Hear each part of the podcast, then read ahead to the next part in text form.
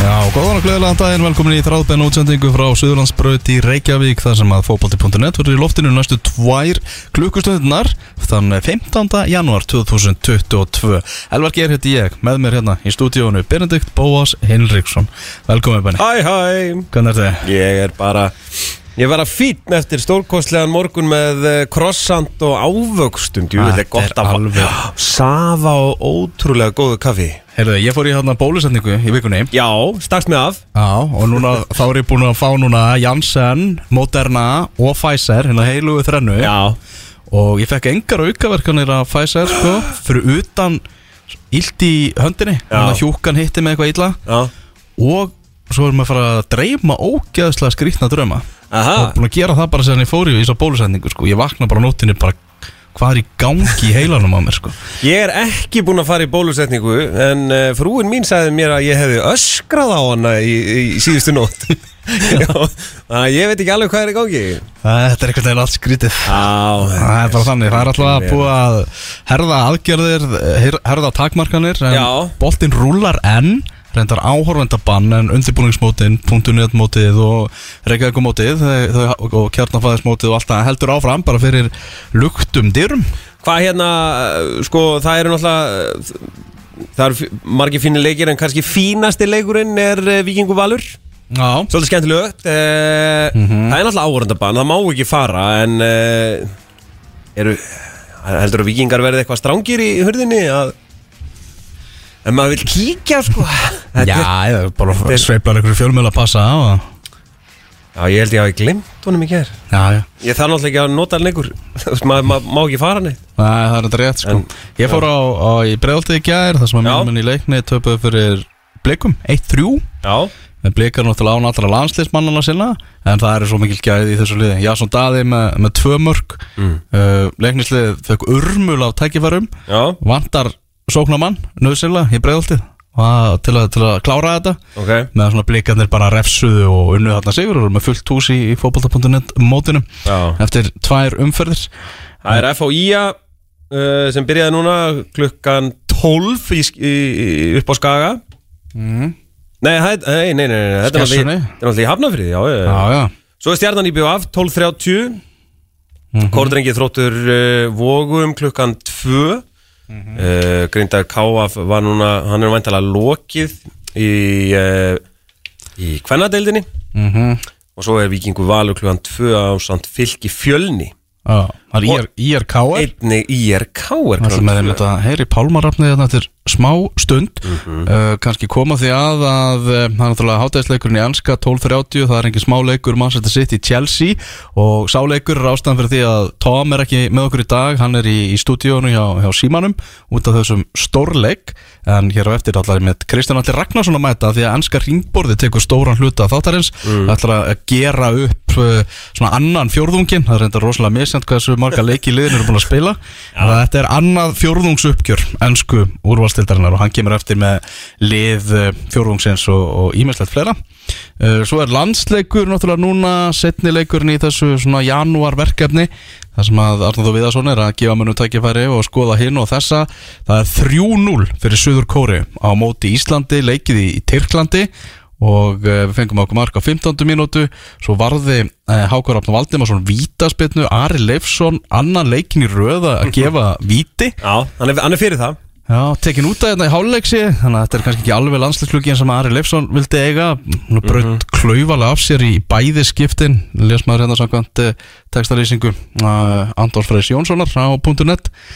Uh, svo kom mark á 27. minútu og aftur á 28. minútu og við náum bara ekki að klukka kóreumennina sem eru miklu, miklu betri í þessum leik uh, slatt af uh, Pepsi Max köllum Íslandsdeldar leikmönnum inn á vellinum fjórir núverandi leikmenn breyðabliks í byrjunarleginu þar á meðal Damir Múmínovic sem er að spila sinn fyrsta landsleik Já, Gumi Hilmar segir á Twitter að væga satt daburt Íslands lið í leik gegn Suðu Kóru 3-0 undir eftir 28 mínútur Já, Æ, þú veist, Gumi Nós yfirleitt. Já hann er búin að horfa á svolítið mikið á landsleikum Já, en uh, við fylgjumst áfram með gangi málið þessum leik. Það er búin að búið, það er setna áleikur til er- að nýja já, hafin þetta er að byrja. Já, fimm minútur liðnar á, á setni hálfleik. Það er bara þannig.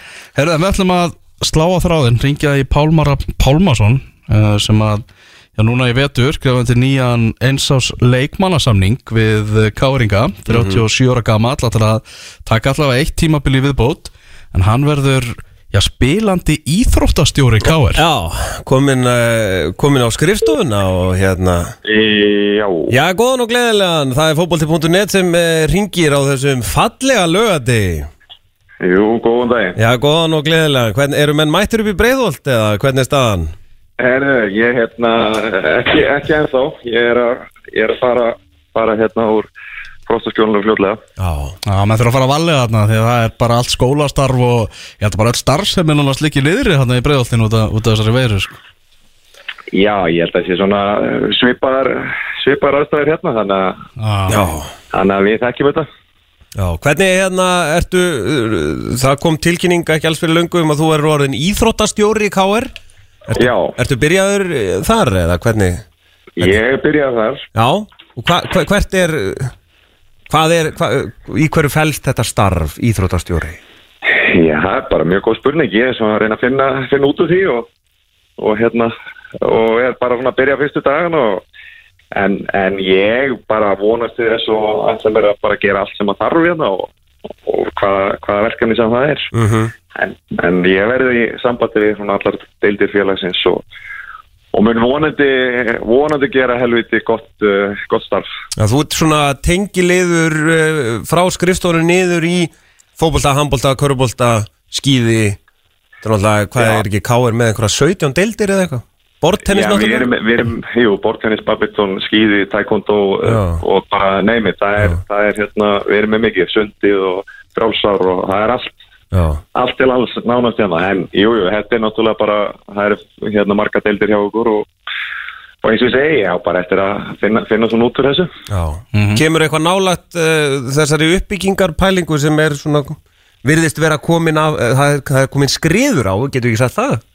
Já, ég svo sem uh, veit það ekki alveg en, en hérna það er virkilega komin skriður á þetta sýnist manni og heyrist og, og hérna vonandi er þetta bara virkilega svona fyrsta skref í áttina að það hérna, verði uppbyggingina Já, já, og hérna það er mikil, mikil bjartsýni og, og ég vona að þetta verði, verði kert í gegn og við fáum loksins svæði sem að, sem að hérna, allir káringar og vesturbæningar eiga skili hérna. já svona sem, sem sæmir vesturbænum Nákvæmlega.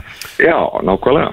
Það er, það er ekki spurning. Mm Þú skrifaði undir í vetur nýjan einsás leikmannasamning þannig að það er nú allavega eitt ár eftir af, af leikmannaferlinum þú ert búin að vera mentað, í, í þjálfarafræðinu líka er alveg ljóst að þú ætlar að vera í boltanum áfram eftir að skórnir fara á hilluna Já, ég, það er svo, það er svo erfitt að slíta sér frá þessum maður. Já. Það er hérna, þetta er bara, þetta er það skemmtilegt og, og hérna, svo lengi sem að líka með leifir og, og ég, mér finnst ég geta eitthvað og, og, þjálfurunum mínu finnst ég geta eitthvað og, og liðsmönnum og svona, þá, þá er þetta erfitt að hætta þessu. En, en ég myndi alveg svona tips til ykkar, setja peninga á þetta síðan síðasta. Ok, ok. En, hérna, en aldrei þessi aldrei, það er, það er maður oft búin að hugsa þetta og, en eins og segi bara líka mann er í er bara í góðu standi og, og ég er bara hrikalega spenntið fyrir þessu og, og hérna vona ég vona ég eftir að uh, gera, gera eitthvað fyrir liði, hvort, hva, í hvaða hlutverki sem það er. mm Býstu við því að eftir fyrirleina þú verðir svona í Já, stefnir á að vera í svona hlutverki þessu íþróttastjóra starfi eða viltu prófa að þjálfa eða hvað viltu gera? Ég veit það ekki, ég auðvitað er maður mikið í kringum, kringum bara íþróttinnar og, og náttúrulega þetta sérstaklega fótbolta. Það er alltaf spennandi og, og hérna ég er, ég er eins og ég segi búin að vera að taka þjálfargráðunar og ég er núna með að svona byrjaði með fjárhóflokkin í þráka í, í gáður og, og hef mjög gaman að því. Og Já, ok. það er bara svona fínt fyrir mig að byrja að læra inn á það og, og hérna vonandi láta gott að með leiða þar. Svo verður maður bara að sjá hvað gerist hvað tækja verður komið upp og hvað maður vill þegar á hólminni komið og, en, en mig bara langar til að byrja að gera, gera gott í þessu nýja starfi mínu og, og auðvitað gera gott fyrir strákuna sem ég er að þjálfa og, og svo náttúrulega bara sem leikmaður og maður reynir bara að gera eins vel og maður getur á öllum, öllum sviðum.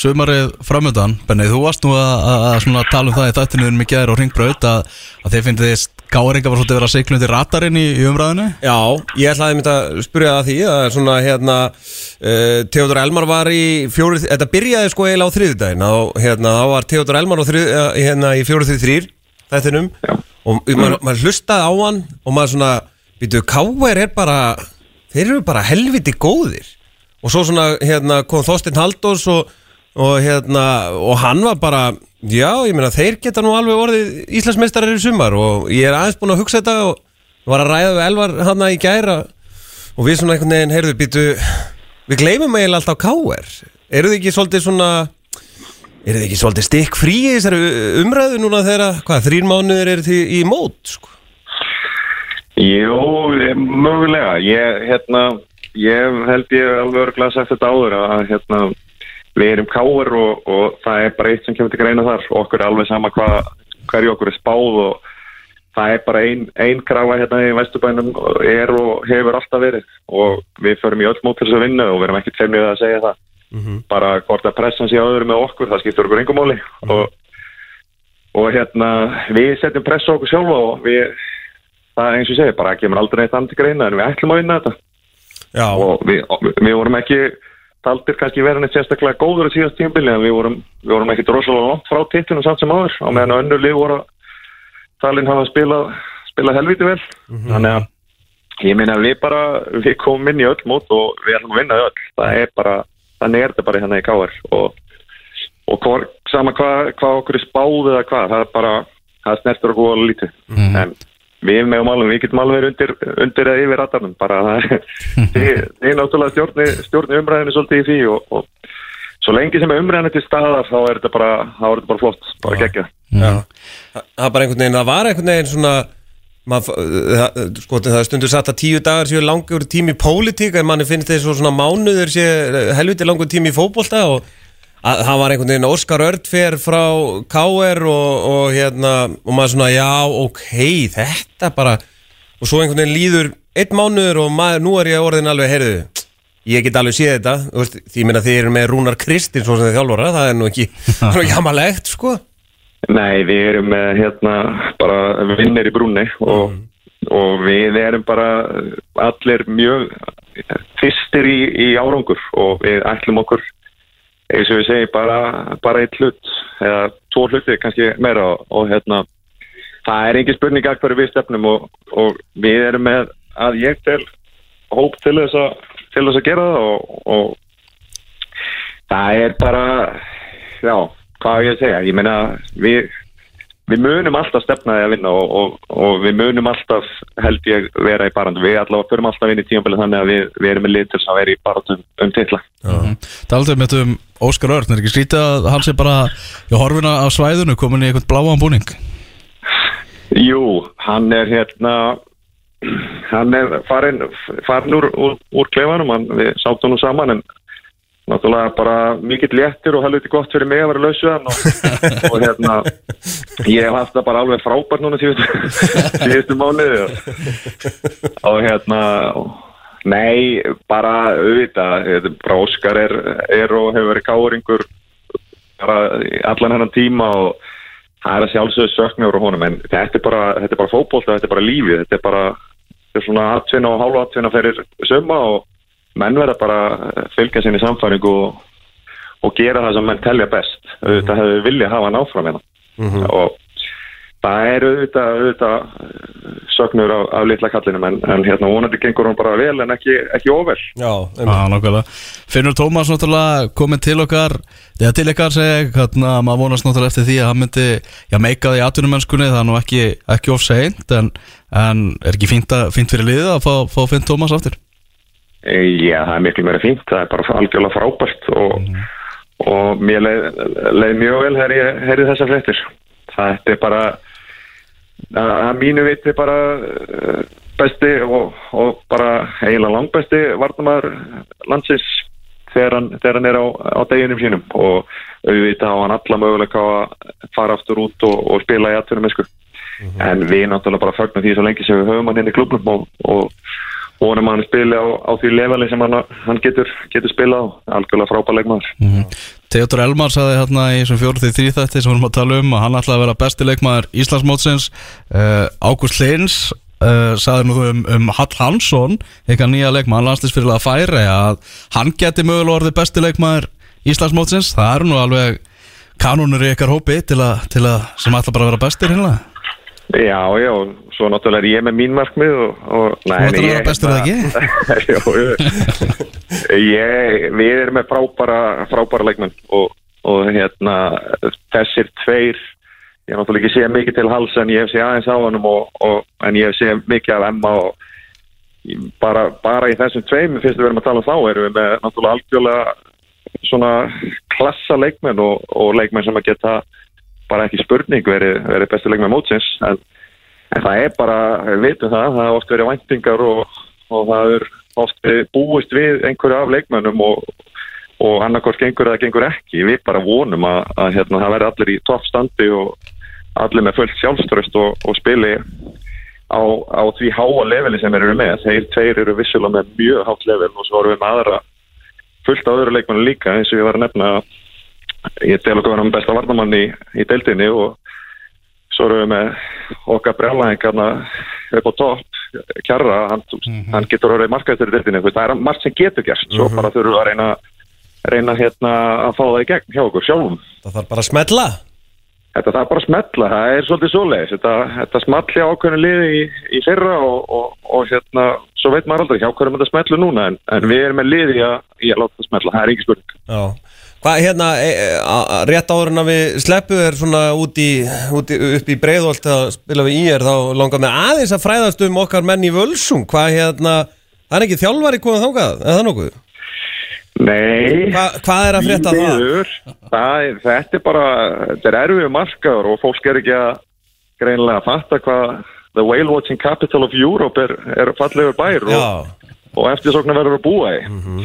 En ég meina þetta er bara þetta er erfitt, þetta, það er náttúrulega eðlilega, það eru margir bara með fjölskyldur annars staðar á landinu og kannski sjá sér ekki alveg fært til þess að vera að fara út á land og, en, en hérna bara, já, þetta er búið að vera erfitt en ég er nú búin að koma með mínar hugmyndir og þarf að fara að pressa aðeins meira á það já, það, veri, það kemur vonandi einhver góður aðilegan og, og vinnur með hennan, hennan unga hóp volsungs og vonandi verður þetta gott sumur á þeim. Þetta er bara klúpur sem að sem að á allt gott skili og, og verður vonandi í barátum að gera hluti í sumar. Já, það er ábyggilega engin annar klúpur sem á jafn marga talsmenn sem er í fjölmjöld Nei, það er, og það er mjög mikilvægt og gott. Já, það er gríðalega gott. Var, að sé, gott að sé aldrei utan um þetta, þetta var völsóksotnið í útastættinum fókbátti.net Pál, Pál með bara að takk hérlega fyrir að gefa þessum á tíma Já, takk Gangu fyrir. vel. Heyrðist, bye bye. Takk fyrir það, takk fyrir það, bye bye. Heyrðu það eru tíðindi frá Tyrklandi. Já, ding, eða hvað? Heyrðu Ísland 1 Hey! Suður Kórea 3 Þannig að háluleiksræðan hjá Harnari Viðars hefur einhverju skilað. Hver var að skora? Sveinn Aron Guðjónsson sem að skoraði Davíð Kristján Ólafsson með eh, stóðsendinguna Já, nýr liðsmaður. Kalmar. Kalmar. Já, hvorki meira minna. Og uh, þannig að þetta er alltaf fín byrjun. Á, á setna háleik 3-0 undir í háleik en íslenska liðið svona að koma tilbaka. Uh, Arnáður Viðarsson er búin að vera núna og fréttamannafundum undanfarnar daga svona frá Tyrklandi uh, í gegnum tæknina. Meðal hans verið spurður út í uh, aðstofaþjálfaramálin sín. Haldið spilunum þjætta sér en var svona að tísa. Hann var að gefa, gefa vísbendingar. Sagði að hann náttúrulega leita aðstofaþjálfara Davís Norri og Óli Skúla eru svona með honum sem yngri, uh, yngri landslistjálfarar hérna úti er, a, er að fylla í skörðin í þessu verkefni. En uh, hann sagði það að það voru þrýr Íslendingar efstir á blaði allir í starfi. Allir í starfi. Já, þetta er að áhugaverð í, ef að fara í leikin Hver verður aðstofþjálfari? Herru, við byrjum bara á að samkvæðan heimildum, ég heyrði það í gær að uh, það var allavega búið að heyra í Jóakala, Jóhannes Karli Guðjónssoni þjálfara Skagamann og fyrrum landslýsmanni mm. þannig að það er spurning hvort hann sé ekki einn af þessum þremur sem að já, til greina að koma. Já, um, svo hefur maður verið svona að ræða þetta og verið fabuleringar Brynjabjörn Gunnarsson hann mögulega hann er náttúrulega ennþá með hákáinga þannig að hann er enn í starfi og náttúrulega átti já, langan og farsalan landslýsferil og bara atvinnumannaferil. Og svo er spurning uh, Óli Skúla hefur einnig verið nefndur. Hann er náttúrulega með miklu minni þjálfarreynslu heldur en bæði Brynja Björn og, og Jói Kalli. Þannig að það er, það er spurning. Þú vantar, vantar einn Já, já hendir Óla skúla þannig Við oft talað um það sko að uh, þegar svona veðmál eru leifið á Íslandi Já, þá mun, mun útastáttinu fótbolti.net vera með veðbanka uh, hvaða nöfnum myndir þú henda í bankan? Mér leist, mér leist uh, mjög vel á Jóakalla. Ég er, hérna, ég er svolítið skotin í því. Uh, Ég var að segja Ég var að segja 6 á 4 þar. Já, Getur verið gott, sko. Mhm. Svo ertu með ertu með, hérna, Brynja Björn. Það er óvænt En make a sense. Já, það er svona, já, eins og segi, svona meira fabuleringar. Já. Uh, Svo er þetta náttúrulega veist, Hann er náttúrulega ekki að fara að taka Hérna uh, Heimi Guðjóns er ekki að fara hana Og ekki, ekki Arna Gunnlaug Svo ekki Óskar Hafn og, Já, veist, það er svona Það er vissir svona- menn sem að sér bara fyrir sig núna sem númer eitt. Já.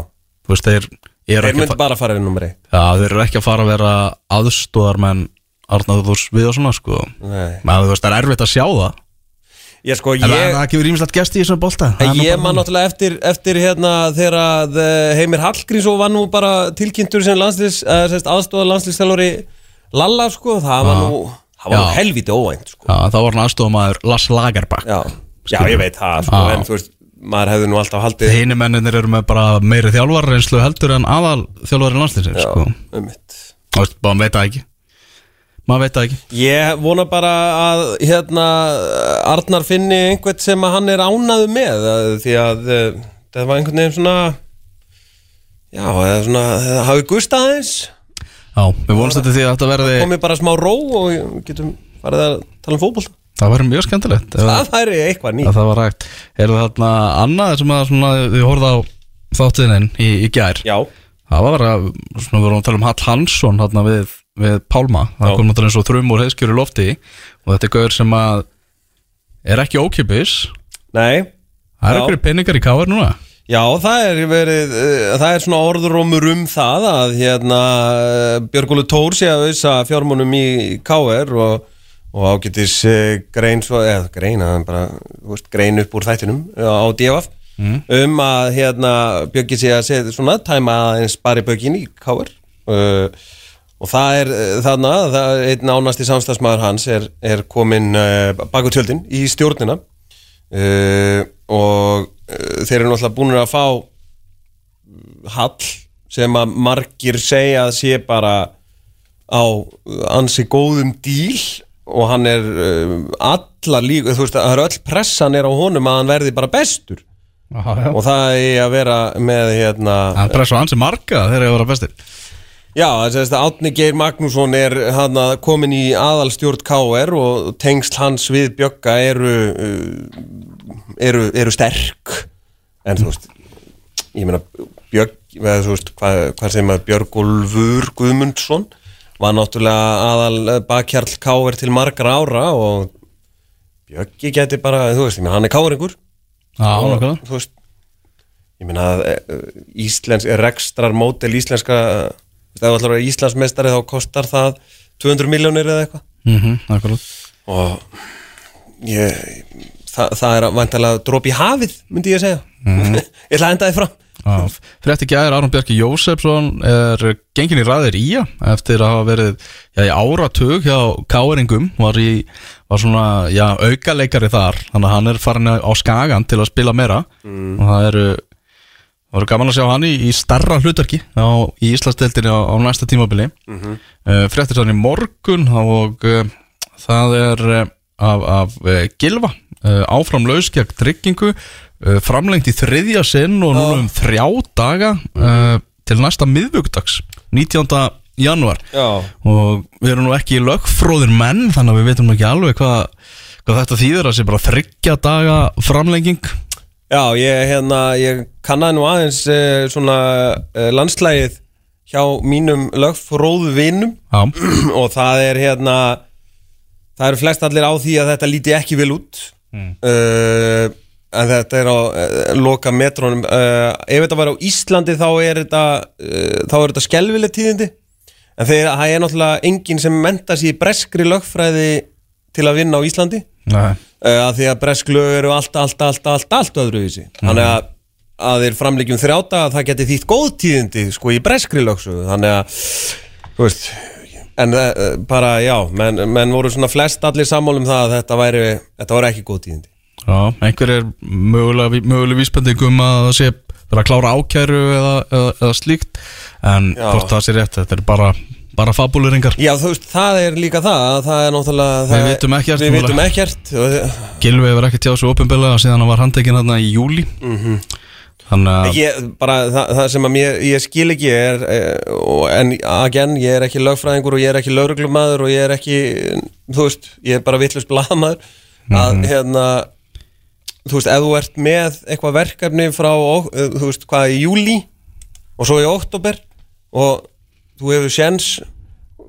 Hvað eru 72 klukkutímar að fara að breyta fyrir þig, sko, í rannsókninni? Mm, ég veit það ekki, en nú er ég orðin bara svona, herðu, nú er þetta bara orðið eitthvað kjánalegt sko. en það er allavega, það lítur að vera það allavega einhverja stóra frétta að venda núna bara í komandi viku. Já, af þessu máli, held að það sé alveg klárt mál. Já, ég held að miðvíkudagurinn uh, ég er ekki viss um að íslenska landsliði handbóltamuni eiga sviði þá þennan miðvíkudag Býðum að sjáum, heyrðu við erum með kveikt hérna á Símanur Sport á uh, í Fiskabúri, X977 og þar eru leikma Chelsea, mættir í, í göngin, þar sem að leikum Manchester City og Chelsea er að fara að hefjast núna eftir þrjár mínútur eða svo, við ætlum um að fara að skipta yfir í ennska boltan, því okkar maður Kristján Allir Ragnarsson, hann er mættur hérna í hljóðver. Ætlum að uh, koma okkur fyrir, fá okkur eitt kaffibotla og svo er komið að öðru fjórlungsuppgjöri tímabilsins eftir smástund En við erum búin að draga fram hérna ennska ringborði því að hingað er komin okkar sérfræðingur um ennska boltan og uh, Leopold stuðnismæður Kristján Alli Ragnarsson. Kom, hann kemur hérna eins og hlustendur vita og uh, gerur upp hvern fjórðung í ennsku úrvalsteitinni og nú er komið að öðru fjórðungsuppgjöri. Við erum svona einhvern veginn að slumpa á tímasetninguna á þessu Kristján en það, já, mismunandi hvað liðin eru búin að spila marga leiki Já, já, hérna, ég ætla að byrja þið fyrst og fremst um að byrja virðingu fyrir ja, marg þættum einstaklingi eins og mér. Hérna, þú kallaði mig leifbúlstunismann en það er náttúrulega grólega vegið að mér sem villastunismanni Það er búin að bætast við þannig grótarður, Já, alla leiki. Já, við verðum að koma eitthvað aðeins inn á villa hérna á, á eftir. Já, já, Já, en við ætlum að byrja þetta. Benni fara, fara að hafa sér svona hægan til að byrja með því við förum ekki í fallbartina strax En hérna byrjum á toppartinni bara stórumálin, förum beint í stórumálin uh, þessi jólatörn gerði það að verkum að Manchester City er skemmtilega bara með tíu stega fórustu voru allir að tala um þryggja hesta kaplöp um englandsmeistaratitilin, mikið party og allt það. Manchester City sagði bara takk fyrir okkur og, og já, margir er nánast búin að bóka og sem englandsmeistar, nú einhverju veðbankar bara hennilega búin að borga út. Já, já City gerðu bara það sem þeir hafa gert. Þetta er fjórða árið af síðustu fimm sem þeir gera þetta. Undir stjórn Pep Fyrsta árið hans var upp og ofan. Og svo hafa komið uh, fimm núna knattspinnu tímabil þar sem að þeir hafa tekið svona 10-15 leikja sigur hrinu akkurat í erfiðum mánuðinu þegar allir aðrir eru að ströggla með meðsli og leikjálag að þá skilar breytin hjá sitt í sér og, og þetta náttúrulega frábærlega vel þjálfaða lið og, og allt saman og þeir bara vinna alla leiki og, og klára mótið. Eina skipti sem það gerist ekki var fyrir tveimur árum þegar að, að Liverpool gerði þetta en ekki þeir. Það var eina skipti þessum árum sem að sitt í uh, lendi í meðslum. Þeir voru ekki með nóg marga miðverði það árið og fengu það raglitt í andlitið en, en læriðu af því og nú er bara valla veikan blett að finna þeim og maður kannski sér munin á svona, svona án þess að ég, ég ætla að fara aðeins í það eftir, er með smá pælingu hérna Já, uh, hérna án þess að ég ætla að harpa of mikið á því hvað sjósangert, hvað sitt er með mikla breytt og ríkir og allt það. Uh, að hérna að, að þá sést það á því sko að, að það eru tvölið sem eittu 100 miljón punta eða þrjúli reyndar, uh, United náttúrulega með Sancho líka, eða hvort það var ekki alveg 100 það var en, 78 en þú sér það sitt í keftu greilis á 100 miljónir og, og Lukaku fór fyrir sama fyrir til hérum bil til Chelsea. Og þessi leikmenn hafa kannski ekki beint slegi gegn á sínum liðum en þá og það er bara að kosta Chelsea nánast titil en það sé ekki högg á vatni á City. City geta bara verið með hann í agabanni eða sitja á bekknum og svona eitthvað. Það sér ekkert á þeim. En, en að, að 100 miljónum punta maðurinn sé mögulega ekki að vera jafn mikill skadvaldur hjá Chelsea fyrir anstæðingana eins og þeir vonuðast eftir að það er bara mögulega að kosta á eitthvað títla hérna mm. að þeir lögðu bara allt undir á það að Lukaku kemur með sín 30 mörg og hann er búin að skora 5 mm. og verið í januar -hmm. þannig að eða hvort hann er búin að skora 8 í öllum keppnum 5 í deildinni, það er eitthvað sliðs ah. þú veist, það, það væri allt í lægi ef þetta væri Dannings eða, eða Ivan Tóni eða eitthvað sko ah. en, en hérna, en þetta er Romelu Lukaku og hann á að gera meira -hmm. hérna, þannig að það, það er staðan, ég meina City eru bara lið þessa fjórðungs, þeir eru búin að vinna 11 röð. Uh, einmitt þar að allir er að lendi COVID, allir er að lendi já, agavandamálum og, og meðslum og allan pakkan og það er leikja álag og, og, og riðlun á, á leikjardaska þannig með við vita stundum ekki hvað er að spila næst og það er svolítið erfitt búið að vera já þessum þjálfurum. Þetta búið að vera svolítið handalaupp að skipilegja sig og reyna skipilegja veist ekki einu svona hvernig sko næsta vika lítur út. Mhm. -huh. svolítið en, en það sér ekki högg á vatni hjá City þeir eiga alltaf 14 glæsilega landslýsmenn, randýra til að tefla fram í hvernig leik, alveg saman hvað mm -hmm. Þú hérna undan fyrst lengi með Pep Guardiola og ekki bara hjá City ég heldur á undan hjá Bayern og, og Barcelona bara ja. hversu gott er þetta City-lið bara sem Pep Guardiola-lið? Uh, þetta er sko Guardiola, þú veist, það mun ekki toppa Barcelona-lið hans ja. Ég held ekki einfallega því að sögulega séð að þá var hann bara með svo marga sögulega snillinga í því liði en sko það sem hann gerði við það lið er það sama hann gerði við bæjun og sama hann er að gera hér við City nema hann var bara að gera það við alveg legendary lið ef við getum sagt að City lið í dag sé eitt af 20 bestu félagsliðum allra tíma uh mhm. -huh. og við setjum það þá kannski eitthvað flokk þar með þú veist bæjun snemma á síðast áratug og United hjá Ferguson og, og Milanu meðan í tíund áratugin og svo með svona mis um, þeir eru ekki eitt af 5 bestu félagsliðum allra tíma. Og Barcelona lið fyrir áratug síðan hjá Pep var það. Mm -hmm. þeir voru þar og þeir getur mögulega að hafa verið besta félagslega þetta tíma. Þannig að það, það er munin en ég menna hann er bara að vinna þessa vinnu sem að vinna og það, og það er svo margt sem að Pep gerir sem er gott bæði innan allar og utan. Eitt af því besta sem að gerir hann er bara sérfæraðingur í vildakefni og það er þetta, hann er búin að gera þetta. Það er, það er hérna, það er þessu tvö tímabil af núna sex. Ef við gefum okkur að þeir klára þetta í ár þá eru það tvö tímabila sex hjá City sem hann er ekki unni dildina og ef maður rétt þá var það eitt af fjórum hjá Barcelona sem að, mm. að Mourinho skáka á honum. Uh, og hann vann öll tímabilin hjá bæinn þannig að þetta er bara maður sem er búin að vinna þá hérna þú veist einhverja einhverja 7-8 af síðustu 11 dildakeppnin sem hann er tekið þátt í síðan að byrja að þjálfa. Og hann er náttúrulega alltaf með hann er alltaf með besta eða ríkasta liði það er náttúrulega alltaf hægt að nýta í það hjá honum. Mm -hmm. hann er að stýra legendary Barcelona liði og hann er að stýra bæin og svona stýra City.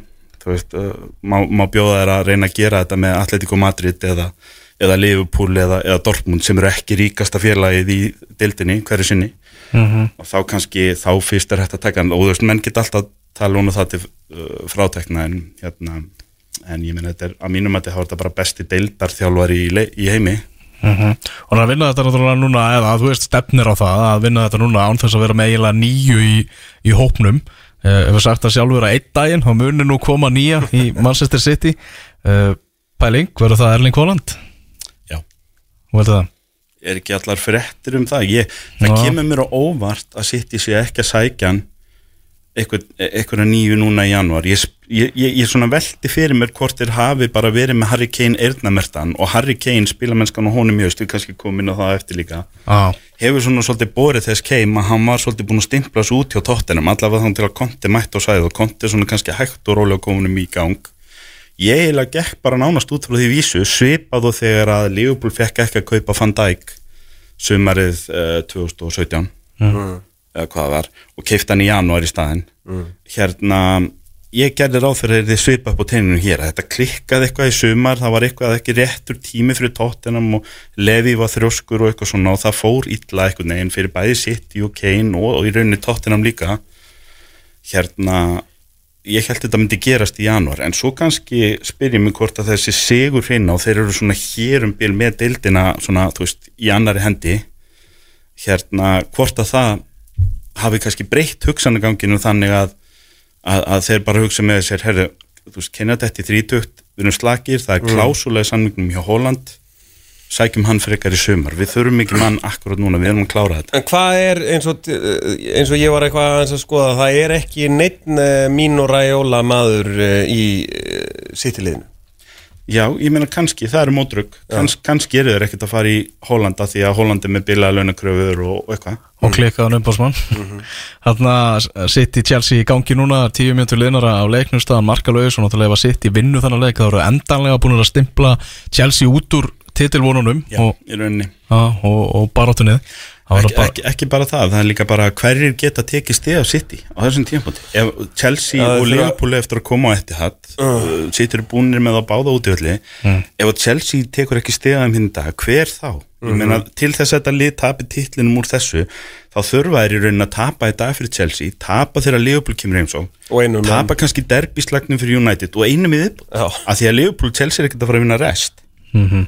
Þannig að þú veist þetta er orðið langsótt nú þegar en, en ef mennum er andt um titilbaróttan og hún klárist ekki hérna 15. janúar þá, þá þarf þetta að fara þá þarf uh, Chelsea að vinna þennan en, en svo er spurningin eins og með Leopold menn við erum í þeirri stöðu núna við þurfum að spyrja okkur, er raunhægt að vera eldast í sitt í eða er það okkur í hag að hérna City vinni bara Chelsea þannig að við séum bara nokkuð safe í öðru sætinu og getum einbytt okkur að Európa og, og, og, og dildabyggandum og eitthvað. Það er spurningin. Það er spurningin. Heyrðu, eigum við að vinda okkur bara í liðið? Herri, já, hérna ég á með svona stutta pælingu um topparóttunum fyrst. Já, og mér langar að skjóta hann ykkur og hérna og hér held ég að Newcastle maðurinn komið sterkurinn því að ég ætla að tala um áratuga og það er alveg ljóst að Newcastle er í umræðinu um þennan komandi áratug Já. sem við erum svona stutt byrjaðar í ég, ég er alltaf spurður að því sko hvort þetta sé ekki ósangjant sem Liverpool maður að því að við erum svo góðir Liverpool menn, klopp og þetta er svo frábært lið núna en bara búin að vinna eina deild. Og það er svona, það er svona lúmst svekkjals í mönnum að Liverpool sé ekki búið að vinna meira. Og ég viðkynna það alveg hjá mér líka mér langar í fleiri en eitt deildatitil. Það, það er kannski frekja eftir 30 ár maður er ennþá svona svolítið að skála fyrir þessum fyrsta. En mér þætti leiðilegt ef að þú veist ef klopp fyrir eftir tvö ár og Liverpool væri ekki búið að vinna meira það væri bara leiðilegt. Mm. ég viðkynna það alveg. Og þá eru menn svona þú veist er, er sitt ekki bara að skemma þetta? Og ætla nú, Newcastle núna að fara að skemma þetta líka næsta árin? Þannig ég fór að hugsa þetta einhvern veginn svo fann ég eitthvað flöt á þessu. Ég fór að skoða þið áratugana og hérna áratugina.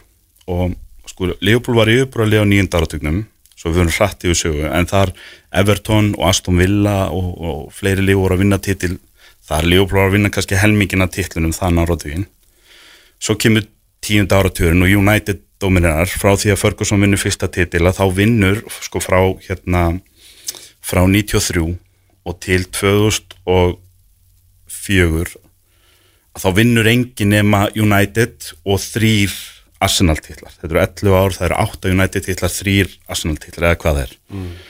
Svo í rauninni er Wenger svona tímabili Arsenal búið í bili, Roman Abramovich er búin að kaupa Chelsea og þeir taka í rauninni svolítið við. Og á fyrsta áratug þessar aldar þá eru það bara United og sem sagt frá 2004 þegar Arsenal vinnur og til 2012 þegar City vinnur fyrsta titilin sinn þá eru bara United og Chelsea sem vinna titilin Já. og síðan vinnur City titil og það er 2012 og United vinnur sin síðasta titil 2013 í Billy við segi Billy svo United stundismenni verður ekki brjálæðir hérna þannig að frá 2013 þegar United og, Ferguson stimplas út Ferguson er, að- er lokið að þá er þetta búið að vera City og sko Leicester og Liverpool hafa lauma en sikkurum titlinum og Chelsea hafa vunnið tvo og City hafa vunnið rest. Þannig að þú sér sko sögulega þá er ekkert nýtt upp á teiningnum þó sem maður horfi á City og segir bú þeir eru svo ríkir Já, og þeir eru að skemma samkeppninu og annað. Liverpool dóminur og unni meiri hluta alla titla á nýjönda áratugnum. United gerði það á tíunda áratugnum Chelsea gerði það og United með í hérna algjöri einógun og einvíðin titilin ár eftir ár á fyrsta áratug þessar aldrar og City hefur einógu þetta síðast áratug. Spurningin er bara hver er að fara að dóminera svona næsta áratugin ég meina City unnuti fyrra og þeir eru að vinna þetta aftur í ár. Mhm. öllin ekki uh, getur Leopold stíð upp og verið kannski Arsenal þess áratugar og unnið eitt, tvo yfirbót? Þannig að, þeir, þannig að við kannski lítum sögulega át og segjum Leopold vann 20 og 23 og 25 eða eitthvað? Mm. eða er nýttlið á leiðinni? Getur United svona stíð upp aftur eftir að hafa núna þú veist á næsta ári er liðin áratug síðan United vann titil. Þannig að þú veist við erum að tala um áratug niðri. Geta þeir komið upp aftur og verið þetta lið aftur? Eða er komið að nýju lið eins og var komið að Chelsea? Er komið að Newcastle? Ef að Newcastle halda sér upp í ár þá er það kannski klubur sem ég myndi búast við í þessari titilbarótt eftir svona 2-3 ár. Eftir hvað mennur fljótir að sapna liði og fljótir að bæta bæta infrastruktúrun hjá félaginu það þarf að bæta einhver sæð og allt þetta þú veist, allt þetta sem skiptir, en ég meina eða falla ef að það skildi gerast, þá náttúrulega senkar öllu ferlinum tvö, tvö ár hjá þeim. Þannig að Já, Móri er náttúrulega að koma. Já, þannig að þú veist, ég spyr mig, þú veist, ég er að rífast við sjálfa mig, að því að maður er sem liðbólmaður, þá er maður hálf svektur yfir því, þú veist, ó, þetta klopplið var náttúrulega búið að raða títlum eða það var búið að skemma samkeppninu og maður setur sig á svona eitthvað háan hest, sko. En það er ekkert grín að fara inn í hann pakka eins og segir. United er að reyna að finna þú veist, beinubrautina, Arsenal-stuðnins með voðalega spenntir við því að Já. uppbygging í gangi á þeim. Tottenham menn ætla sér að vera í hópi stóru strákana Já, bara ætla sér veist, Svo er bara spurning hvað þetta endist hjá City að því að sögulega þá endist þetta aldrei það lengi í Englandi. Þú veist, uh, hérna uh, við heldum fyrir 15 árum að það væri bara ekki sjens að Chelsea eða neinstar annar staðar en í toppar áttu bara hverju ári. Að því að þeir voru það ríkir. En svo bara kom klubur sem var ríkari og, og Chelsea svona einhvern veginn mistu aðeins mistu svona tíndu kortinu og, og tíndu staðins út í móa en, en aldrei það langt samt að er, er alltaf mistardölda klubbu sko. Nei, nei, nákvæmlega. Hérna, þannig að maður spyr sig ef að kannski sitt er þessi klubbur sem verður út þennan áratug er síðan kannski komið að einhverjum er eitthvað sem mun fella þann klubb eftir nokkur ár eða tíu ár eða eitthvað? En spurningin er hver ætlar að stígu upp og elda þá? Er það hinn peningaklubburinn sem er á leiðinu upp eða ætlar stæsti klubbur Englands en þá Manchester United að stíga upp og gera alvöru allu næsta árin. Líf, okkur lífbólmennum líður svolítið eins og við séum á svona borrowed time, þú veist, við erum að hugsa núna það eru tvö, tvö ára eftir að klopp, tvö og hálft tíumbil Ha. þannig að sjensin er núna að reyna að vinna eina deild í viðbúta en hann hættir, af því að maður veit ekkert hvað gerist eftir það. Já, já. Mér finnst það eiginlega bara að velta svolítið mikið á Pep Guardiola. Bara, veist, Já. hva, hversu lengi vill hann vera í þessu starfi? Já, Þú, þú veist, hann verður- ekkert rekin frá Manchester City, þetta er bara spurningin um það hvernar Guardiola telur sig, vilja taka næsta skref eða prófa nýtt verkefni segja ég. Ég er með, með uppástungu fyrir hinliðin í, í hérna í Európu, stórliðin í Európu Já. Leifum hann að vinna mestaradildin úr. Ég held að hann sé ennþá þarna því að hann er ekki búin að vinna vi- leifum hann að vinna hann í vor þá aukast líkundur á því að hann segi já, ég þarf en þá kemur við líka það verkefni fyrir City að finna stjóra til að taka við á Pep Guardiola. Já, það er kannski eitthvað sem getur felt á. Menn getur alltaf valið vittlega sem stjóra. Og, og ég held sko Pep er bara það góður, ef við erum að tala um að hann sé alveg bara bestur í heimi í deildar spilun þá er þeir alltaf að fara að velja eitthvað sem er ekki jafn góður í að stýra þeim í gegnum deild. Mhm. Þa, það er bara gefið, veist, það, þetta getur ekki verið að ná í 90 pluss til endalust Mhm. Þannig að, en við skulum sjá hvað hann endist lengi. Þetta var svona allavega mín heimspekilega pæling. Ég veit ekki hvað Newcastle maðurinn segir við þessu. Er hann brattur á því að Ég held að sé svolítið, þetta er svolítið þeirra áratugur líka. langur vegur til ljúk fyrir Newcastle. við erum, við erum svolítið slagir sko. við hérna eh, allavega eins, svona, eins og ég eh, sé þetta þá hérna þá erum við uh, Eddie Howe ekki, hann er að erfa mögulega versta lið í heimi uh, við þurfum ekki sko að kaupa einn eða tvo Þú veist, við þurfum, í raunin að kaupa 26 Þú veist, það er Saint Maximin sko, sem að getur mögulega orðið þarna eftir þrjú ár sko. aðrir eru að fara út sko. og maður sér það líka bara á, þú veist, eigandur Newcastle núna hvað eru að pæla þú veist, þeirra hugsun er bara að bjarga liðinu núna á Já. þessu tímabili Chris Wood er frábær kaupa því litunum til hann gæti bjargaði Já, já en Já. hann er ekki að fara að vinna titil eftir tvö ár með þetta lið. Nei, nei Þannig að menn eru bara raunsægir og fara í millibílis ástand og segja verkefni sem liggur fyrir núna næstu fimm mánuði er að fara ekki niður úr þessari deild. Og ég held að Chris Wood verði frábær fyrir Newcastle og, líka. og líka bara mikill missir fyrir Burnley sem enda með því að bara Burnley fellur úr þessar deild. Þetta er frábært kaup, skilur við gagvar því að tvær flugur. Það er lögur og allt það en, en sko, þú veist Newcastle var aldrei að fara að kaupa uh, Kylian Mbappe sko, og vera í einhverju kapplöpum það, ég eh, efast um það. Veist, stærsta stjarnan sem mögulega gæti komið næstu þrjú árin er Anton Griezmann bara því að hann heldur pínu með Newcastle af því að hann er uh, með þetta margfræga save sitt í Football Manager uh, en Vi, Við sjáum Kylian Mbappe mæta til Newcastle svona 32 ára. Já, já, þú veist, ég meina og það er bara það má ekki gleyma því sko að, að hérna uh, að Newcastle á núna meiri pening en liðin öll til samans. Já, þú veist, í ennsku er þeir hefur þetta geta galið. keift þeir hefur geta keift öll liðin sko. þeir, þeir eru það ríki sko þú veist að þetta- þetta er hugsað í veldis Já, vexti einmitt. með að við hvað sitt í eigundunar eru ríkir. Þannig og þeir eru búin að vera langríkastir í mörg ár núna. En þú veist, Galið. það, það, það tekur uh, sko allavega þessi hérna Steven Levy hún hefur bara sagt, ég meina þú veist, við, við áttum okkur að, þú veist, hún virkar eins og hún sé í lægi og þetta sé hugsað kannski til tíu ára.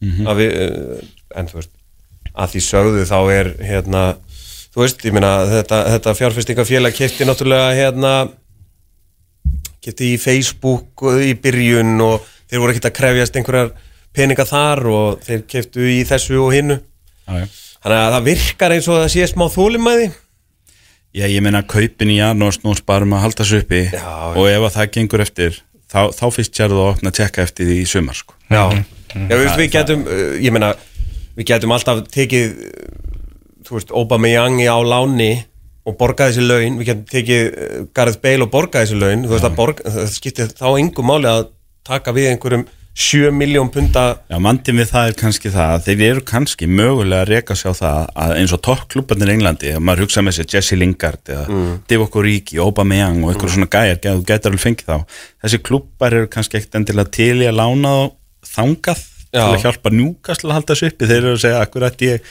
ég er að skjóta mér í fótinn ef ég læti að hafa Jesse Lingard. Mhm. þannig að þú sétt orðin betra lið en við í haust.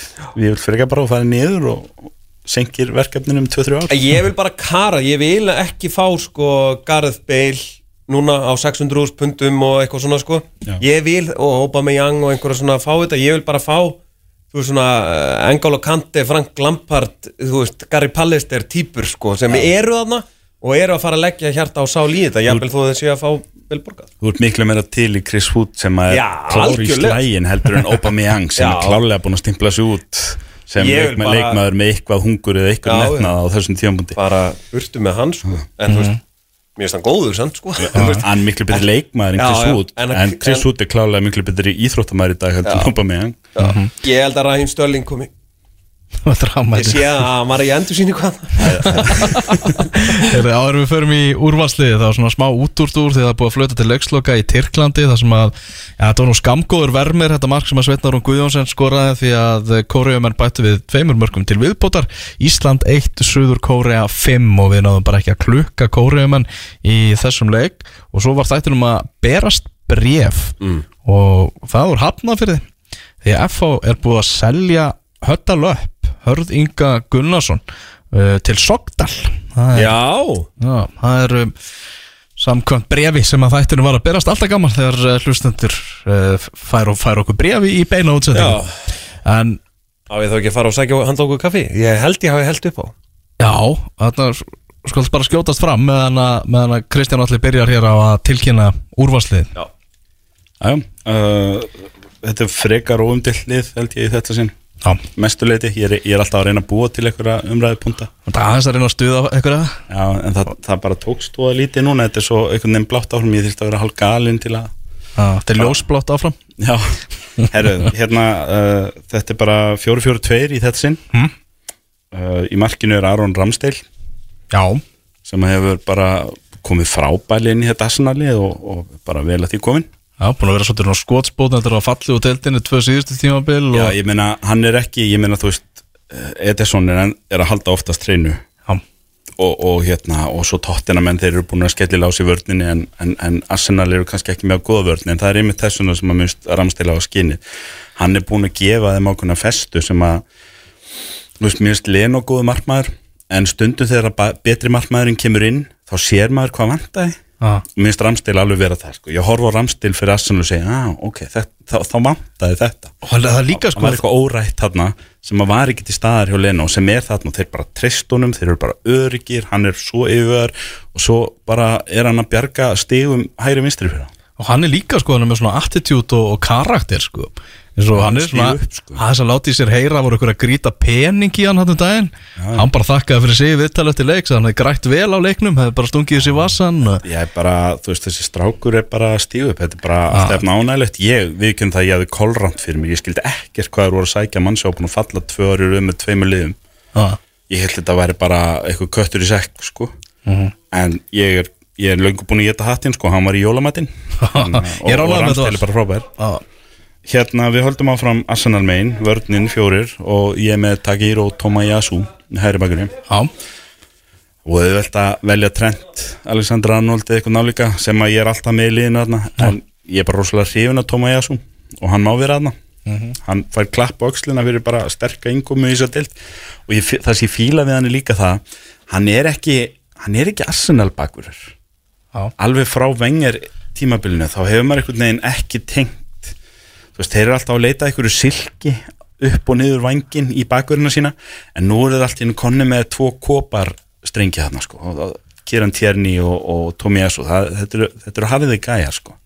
Og hérna láta ekkert vaði yfir svo hann, hann er náttúrulega sterkari varnarlega en sóknarlega og einhverjum tímapunkti kannski þá vilja Arsenal fá eitthvað meira sóknarlega út úr hæri bakgrunum en Tomiyasu gefið þeim eða hvort hann getur stíðið bjöðtæki en, en hann er samt ekkert vonlega sóknarlega. Mér finnst hann betri sóknarlega heldur en Wan-Bissaka til dæmis hjá United. Hérna það er góður spilandi í honum og, og það er kraftur í honum. Ég er bara mjög hrifin á honum sem leikmanni. Já, byrjar á tveimur Arsenal-mönnum Já, í, í ekki bara ljúka liðinu hér? Nei. Já. Arsenal menn ánæður Heru, restin af vörninni er síðan hérna Sjó Cancelo er vinstir bakurur Já. frábær í vetur uh, alveg eins og í fyrra þannig að það er bara komin tími til að hann fái kallið þarna. Stöðuðar bætingar hjá honum maður. Já, hann er að stígu upp. Mm. eftir að Pep gaggrindan á miðjutíðanbili fyrra ef ég mann rétt Já. færði hann svo þarna yfir. Það var eitthvað svoleiðis, hann gaggrindan fyrir að spila ekki af nóg mik miklum krafti eða það var eitthvað svona. Gott man management greinlega hjá Pep því að Cancelo er bara búin að frábær síðan. Uh, í vörninni, Joel Matip heldur áfram að vera hana eins og í fyrsta fjónungsuppgjöri ég er ennþá bara steinhiss á því að hann sé heill og spila alla leiki og sé bara líkil maður hjá Liverpool og, og sé betri en Van Dijk í að hann er bara búin að vera það og ekki hefur Van Dijk verið liðlegur þannig að hérna Matip á alveg inni hérna og svo náttúrulega þið- finnst þið Van Dijk eitthvað slakar eftir Pickford aðtökið? Það er einhverju sem að vilja eitthvað svona kvísla, kvísla Já. því að Virgil van Dijk er að mínu mati ennþá einn annarkvort besti eða einn af tveimu bestu miðvörum í deildinni á samt Ruben Díaz mm. en hann var ofur mannlegur fyrir þetta Já. fyrir, fyrir þessi meðsli og ég veit ekki hvað það er sko en hérna en þó, þú Ég- ég það- er sagt ekki ykkur- þess að að kvarta skilur, hann Nei. er frábær Ég get sagt ykkur það að, að, að nú myndist ég mjög alvarlega og allt þannig og ég var ekki, nú er ég ekki að bera mig saman við Virgil van Dijk en þannig en maður, maður verður allt í einu hrættur Já. Við, þetta er bara þú veist, þú, þér fannst þú aldrei geta meðst, svo allt í einu meðistu svo kemur allt í einu svipuð svipað atvik og hugurinn bara, hann, þetta er svona þetta er þess að þetta split second og oft skiptir það me, miklu máli sko. þannig að ég, ég hef séð Van Dijk uh, vera jafn rosalega oft svona á sprettinum og stoppa menn og allt þetta. En svo eru svona töff enskar eh, svona tæk, eða sko þú veist þá dregur hann aðeins úr sig sko. sko, það sem vantar í hann er svægið sem að var að sko, hann er ennþá frábær segjum til dæmis að kemur bolti aftur fyrir hann hann og, og boltin sko. skoppar einu sinni og hann er með, hann er með sóknamannin í bakinu eða þeir eru öxl í öxl og hann bara díla við það því að hann er fljótari, hann er sterkar og allt saman en fyrir meðslin þá var, þá var Van Dijk kannski að taka þetta með utan, utanverðri ristinni á Robertson í bakverðinum og allur völlunum klappaða því að menn bara, þú veist, þvílíkt touch. Það, þú veist, það eru þessi litlu hluti sem hann gerði í hverjum leikum og bara það er engin annar í deildinni sem getur gert þetta. Það var einhver bílu snerting hérna eitt skipti manni að það var einhver að reyna svona háan bolta inn fyrir hann og hann rassaði hann á bakverðin að, að því hann sneri vittlust þannig að þú veist, allir aðrir í heiminum hefði mist boltan inn fyrir sig. Og ég man ekki hvort það var gegn Arsenal eða eitthvað laga sett á leginn gegn. Og hann rassaði hann á bakverðin og ég bara svona, hvað touch var þetta? Þetta er bara eitthvað síðan dæmi sko.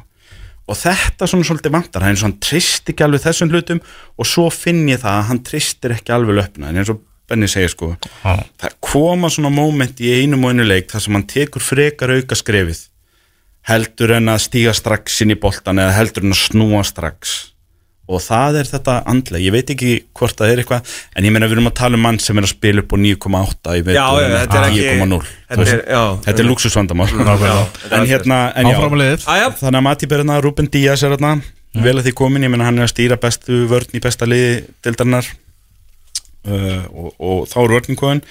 Á miðjun er ég svo með uh, uh, Rodri sem að minnst vera bara frábær hjá sitt í luxusleikmaður og við hliðin á honum set ég uh, Declan Rice sem að hlýtur að fara í starra lið á endanum. Ekki það, hann er náttúrulega að gera flotta hluti með vestam Eina, bara, eina mögulega fyrir vestan til að halda honum er bara endi fjóraðsætinu Já, ég á einhvern tímapunkti vill svona leikmaður spila í mestaradildinni og hann er að spila fyrir landslið, hann er fyrirlið hjá uppheldsfélaginu sínu. Uh, en ég menn þetta er eins og með Harry Kane. Við erum búin að segja þetta í fimm ár með Harry Kane. Á einhvern tímapunkti á vilja menn fara í lið sem vilja titla og, og annað, en það er ekki komið ennþá skilur, þannig að kannski í lengi standarna kannski er þetta bara svona eins og Steven Gerrard og Liverpool, það eru svona einhver taugar til félagsins og annað kannski er þetta bara maður sem fer aldrei, ég veit ekki. Við skulum ekki gera vestamönnum það nóleik að tala alltaf bara um þetta sér tímaspörsmál hann er bara fyrirlið vestam og frábær fyrir það lið í dag.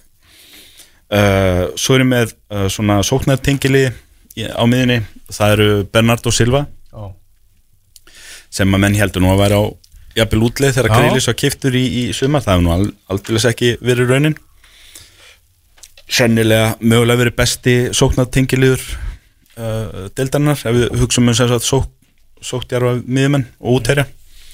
Og, og svo er ég með Jarrod Bowen hjá Vestam líka sem að mér finnst bara virkilega flottur leikmaður og hefur verið flottur á þessum fjólungi mikið skora smá mikið af stóðsendingum en alltaf þegar ég horfa á Vestam spila þá finnst mér hann ógeðslega góður.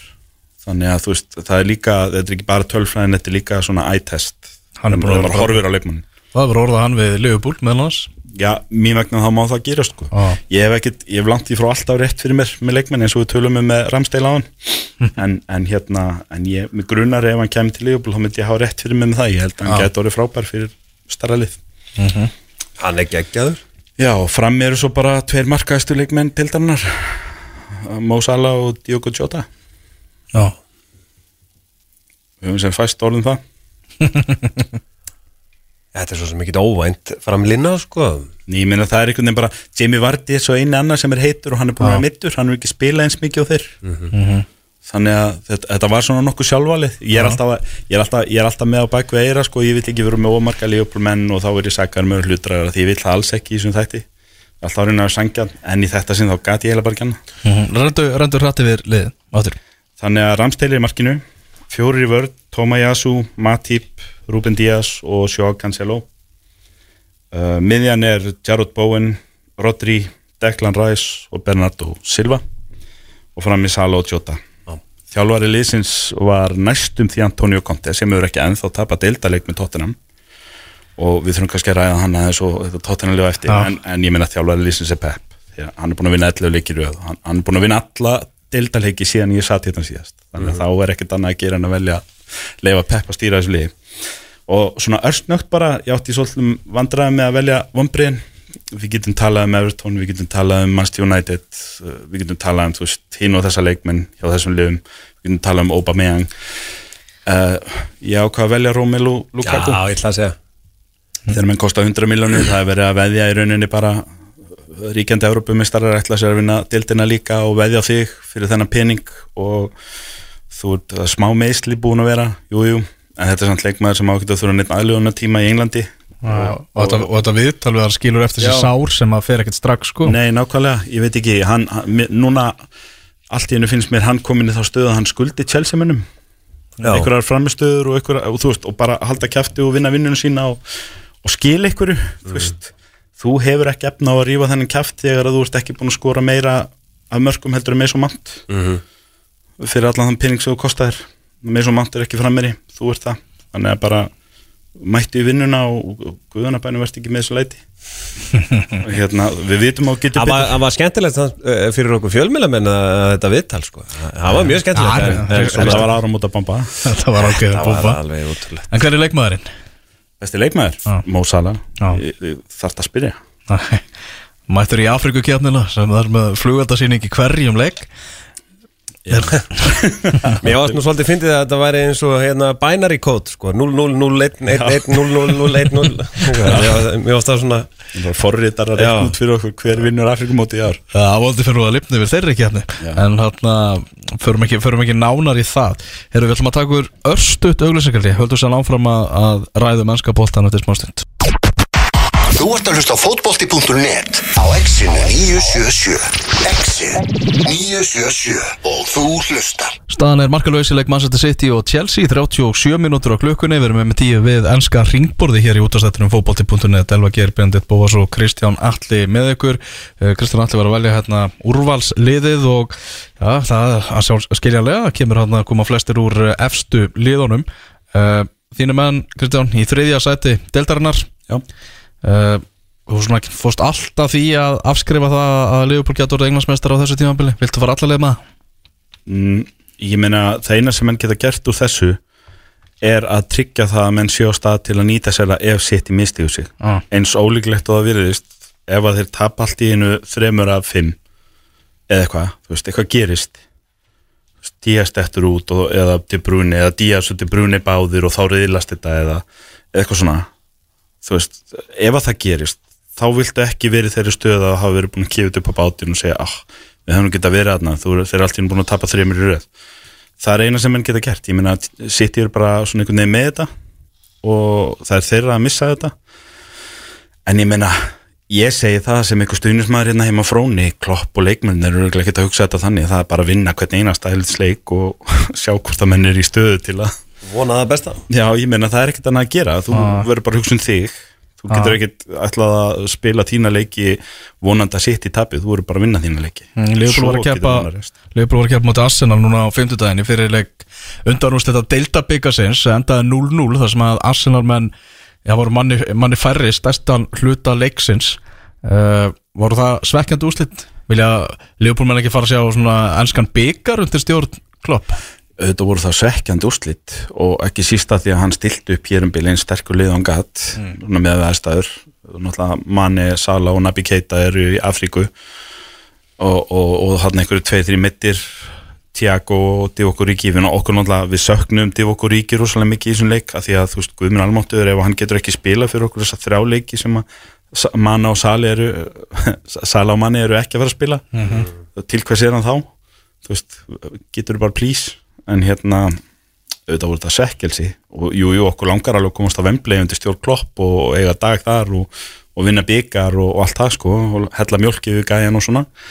Hérna en, en viðskiptamótil hjá Leopold hefur bara verið þannig, það hefur verið skýrt og það er bara sagt frá því, það er bara vitað að það er svona nánast lagt að honum að gefa ekkert púður í þetta, ef þú kemst hingað þá máttu kannski sitja smá púður í þetta. Núna er hann einum leik frá því að komast á Wembley hann þarf að fara á Emirates núna á 50 daginn og spila setni leikin eftir þetta markalösi eftirbli og ef hann gerir það þá er hann komin á Wembley á móti Chelsea. Auðvitað er það til eitthvað að vinna og það, hann er alveg pottitt að fara að spila sínu sterkasta liði sem hann getur á, á 50 daginn og reyna. En þetta hefur ekki verið forgangsatri hjá Leopold og það hefur engin einhvern veginn að, að því að menn vita það bara að eigendurnir hugsa það þannig að þetta skipti miklu minnamáli bæði peningarlega að, að vinna þessa leiki heldur en að vinna leiki mistardildin til dæmis og, og hérna og skipti miklu minnamáli en að reyna að árangri dildinni og passa sig að vera alltaf í mistardildasætum og, og jafnvel keppin titil. Þannig að, jújú, jú, en ég meina að við erum einu leik frá Wembley, ef að menn gefi ekki allt í þetta á 50 daginn, þá, þá er eitthvað að. Vestam er í fjórðarsætinu sem er eiginlega bara reynilega ótrúlegt. Þeir duttu þarna út úr fjórðarsætinum tíma eftir, ég frekar svona dabra hrinu hjá þeim eftir meðsli í varnalínu hjá sér. Já, já. En þeir eru bara komin uh, Einhvern veginn var maður búin að útiloka það að þeir myndu stíga aftur upp í þetta fjórðarsæti ég held einhvern veginn að, að uh, Európikeppni myndi kannski þvælast aðeins fyrir þeim. Já, uh, en það hefur ekki gerst. Móis hefur bara unni fyrkilega gott starfi að halda klubnum stöðugum í ár. Og þá meina ég stöðugum í þessum háa standard sem þeir settu sér sjálfur í fyrra. Og, og jafnvel þeir hafa meira sér að díla við fjárveru Mikael Antonio á köplum og bara einhvern veginn á að halda velli. Ég sagði í haust, uh, þá spáði ég því að sömu fjögur yrðu í mestardildasætunum eins og hafa verið sístu tvö ár. Þau hafa bara skipt sæta inn á innbyrðis í topp fjórum. Mm. uh, ég sagði líka að einna helst sæði maður finnist mér líklegt að Manchester United gæfi sjens á þessu og það er að rætast. Manchester United er bara búið að gefa sjens, öðrum liðum sjens á að hýrða þetta sæti og í dag að þá er Manchester United bara í baróttu við Arsenal, Tottenham og Vestham þetta er í rauninni fjögurlega barótta um þetta, topp þrjú er búin að skilja sig svolítið frá og hinn fjögur, næstu fjögur er að berjast um þetta eina sæti. Og ég, ég er ekkert endilega á því að United séu líklegasti til að hýrða þetta sæti í dag sko. Eh, mér finnst bara, það er, það er svona uppsveifla á Tottenham, hann er svona hægt og bítandi að vinna þá í gang og tapar engum leikjum, búin að loka algjörlega með vörninni fyrir, fyrir marki hjá Júkólur Ís og, og, og Vestham er að halda þessum dampi og það er bara líka stemming í Vestham. Þeir eru búin að vinna held ég bæði Tottenham og Leopold í vetur ef maður rétt. Og næstu búin að vinna United, það var eiginlega alveg ótrúlega þeir skildu tapa þeim leik á endanum í London. Hérna og, og ég meina þetta er bara fjögur liði sem eru í straight baráttu þarna um þetta sæti. Mhm. og Vestham eru bara þar, þeir eru bara búin að vinna sér það inn, þeir eru taldið með Benni, til þú raunhæft að að Vestan geta endað í fjóraðsæti þegar að Ég var alveg með, með ykkur í því að þegar að hérna, þegar að þeir duttu niður og þessi downkabli Já. kom að þá var maður, já, einmitt, þetta var skemmtilegt rönn og, og allt þannig. Svo bara einhvern veginn eru konur aðna aftur. En mér finnst bara svo alltaf merkilegt að Arsenal skuli vera komið í fimmtasæti eftir þennan hörmungar ágústmánuð. Og ég var nú hérna hvað ég, svona í byrjun september þegar vorum að hlæja að hver, hvað er mark á, á mánaðarins hjá Arsenal, ha ha ha og veist, meina þeir skoruðu ekki mark þeir töpuðu öllu voru neðstir, það var allt í ruggli sko. Og uh, að þeir séu fimmtasæti finnst mér bara ég stend upp og klappa fyrir allt þetta Já, Arteta er í rosa markasetningu núna. Hann var, í, var að segja núna í vikunni að stóru strákatir bestu leikmenn heims þeir vildu allir koma í Arsenal og allt það. Ég veit ekki hvort hann trúið sjálfur en hann er svona, þú veist, þeir eru að þú veist, að reyna við Vlahovic hjá, hjá Fiorentina og svona sem er einn eftirsótastu leikmaður bara í heimi. Þannig að þeir hugsa greinilega stórt og það eru náttúrulega ungi strákar, það Martin Ödegard hann er að sína það sko. af hverju hann var þessi hæpaða barnastjarna þegar, þegar hann var ungur strákur í Norri Emil Smith Rowe líka, mér finnst hann hafa komið frábælinn í þetta og, og Bukayo Saka er náttúrulega bara stimpla sinn sem næsta, næsta súpestjarna í ennska boltan hann, hann er bara það góður fyrir mér. Hann er, hann er efnilegasti leikmaðurinn í deildin í dag. Hann er besti ungi leikmaður og ég talaði um áður líka, þú veist, eftir úslitaleikin hjá, hjá EM hann bara jafnaði sig bara strax á því að vera svona skúrkur eftir, eftir þann leik. Ég, þá vantar ennþá svona svolítið á miðuna og Granit Xhaka myndu nú á sig á 50 daginn og, og, og hérna, þú veist, ef þeir væru með ef þeir væru með alvöru varnatengilið af, af sömu gæðum og, og strákarnir fyrir framannan Smith Rowe, Ödegard, Martinelli Bukayo Saka, ef hann væri með tvo almennilega þar fyrir aftan og kannski betri miðvör með Ben White og svo náttúrulega vantar á fyrsta ápa meðan á hvað stimpla sig út uh, í hausnum að þá náttúrulega vantar á þennan sender, lagasett hann er kannski ekki líklegur til að fara að hlaði tíu mörg núna fram á vorið og svo er hann bara með lausan samning í sumar þannig að þeir, hvort sem það er núna í janúarið í sumar þá eru klálega að leita sér einum tveimur alvöru sóknarminu líka. En, en, er en alltaf partei inni einhvern veginn? Mér finnst einhvern veginn partei aldrei finnst, hafa já, hann hefur bara ekki verið sá sem þeir vonuðust til að þetta neyði granít sem hann var hjá Atletico maður var einhvern veginn svona ú, þetta er góð kaup. Kannski ef þú keftir einn almennilega með hliðin á hann Já, já, jú, ef þú fyndir, já, þú veist, Rice típuna við hliðin á hann þá kannski fengir þú hann í gang líka. Þú gætir nánast grætt tvo á því að finna rétta manni við Mm. Hliðin á hann því að hann er náttúrulega að spila við hliðin á Sambíl og Konga sem er mjög ungur og efnilegur en, en kannski á þessum tíumpunkti er ekki endilega að fara að leiða og stýra miðinu þarna. Mm. og Granit Xhaka sem að er, er þú veist, eitt þriðja tíman sem hann spilar er hann frábær og tvo þriði tíman er hann hauslaus. Ég veit, hérna og, og, og svo Mohamed El Neni þetta eru valkostirnir. Já, já. Þú veist, ef, þú, ef, ef, ef við geti stólið Declan Rice hann yfir þá kannski, þá kannski færi partí í gang og þá verður allt í nú bara konum eina flottustu miðinu í Englandi. Mm -hmm. svo ég takk sem dæmi, er ekki að fara að taka Declan Rice en, Ah. en ef við tölum með það, leikmann á því kaliberi skil ekki Hvað eins og með, bara eins og ef við, spyr, ef við spyr þig bara Elvar sem svona stuðnings með Manchester United að hérna uh, við, við hlaupum hann vel yfir tóttina með því hvort þið tóku eftir því. En þú veist bara þetta Manchester United eh, project ég meina að, að þú ert með einhverja leikmenn ert með þessa á- algjörar ofurstjörnur og, og hérna og svo kemur Solskjær fer út og það kemur gæ- gæi inn í sex mánuði uh, Hvernig sérð þú þetta? Það, ég, eins og ég sé þetta þá finnst manni bara einhvern veginn þetta tímabilið er bara þeir eru búin að henda inn hangklæðinu nánast. Já, nánast, þú veist, það er bara eitraður, eitraður klefi, virðist vera og, og með þess að tala um það að þú veist að bara þessi titill, bráðabyrjastjóri sé að trubla leikmenn að þeir bara, heyrðu það er annar gaur að koma í sumar, þú veist, eru eitthvað að nenn að læra þetta sem að þessi gaur að kenna? Já, en maður sér líka með klefan. Nú var Ronaldo að stíga fram fyrir sköldu í, í vikunu og verja Ragník mm. og maður les einhvern veginn á milli línan það er alveg klart að Ronaldo var gæi sem kom þarna og ætlaði að vera síðasta púslið í einhverju title run í haust sá svo mjög fljótlega að liði var ekki á því kalibri sem hann kannski held að það væri að þeir eru ekkert að fara að vinna titil þó svo hann sé mættur. Og fóru að pyrra sig hann var klárlega einn af þeim sem var svolítið bara svona átt á solskjær mm. fýtt náungi, ekki að fara að skilja okkur titli við þurfum eitthvað meira. Uh, það er greinilegt samt á öllu að mikið af hinu leikmönnum voru mikli solskjærmenn Já. og voru honum hliðhóllir ég meina þeir voru samt ekkert að nánum árangur undir stjórn solskjær, ég meina annað sætið einu sinni og, og, og, og job. undanúslit í Europatildinni eitthvað er bara ekki nógu gott fyrir United þetta var fínt Já. en United gerir kröfu meira en fínt Já, þannig að nú er verið að reyna að reyfa peðin til á borðinu og gefa sér þetta halva ár til að vinna hlutina þannig að það komi réttur innkaupastjórin gera hlutina rétt utanvallar búa til umgjörð fyrir topp, topp þjálfara í sumar. Og þá allt í einu eru haugur af leikmönnum óanæður Hva, ég veit ekki hvað, þú veist, mér, fyrir mér þá sný ég mér við og segja heyrðu, hvað eru þið að segja okkur með þessari óeiningu í klefanum, mm. akkur eru þið óanæð með rangning, það er verið að rífa ykkur úr komfortzóninu sem að Solskjær gaf ykkur þar sem að þið voru bara sáttir við að vera í vinnunni og, og ná topp fjórum að því að þessi klubbur ætla sér í meira og ef að þið ætlið ekki með þessu klubbi meira þá með ég bara drull ykkur. Mér Þa- finnst þar líka- er ég, sko. ja, Mér finnst líka eins og, eins og sko hennar Arteta Arteta öðlaðist virðingu leikmanna hópsins þegar hann stegniði fæti Já. með, með hérna Opa. Að þá bara, þú veist, fuck off. Þú veist, þú, ef þú getur ekki lít einföldum skipunum þá bara, sorry sko, þú ert bara upp í stúku. Og þá, ég meina hérna, það er eins og það hefur orðið, eða þú veist, ég er nú bara búið að til að það hefur orðið einhver við snúningur svona innan klefans þar og mér finnst eins og Arsenal hafi farið fram á við við þetta.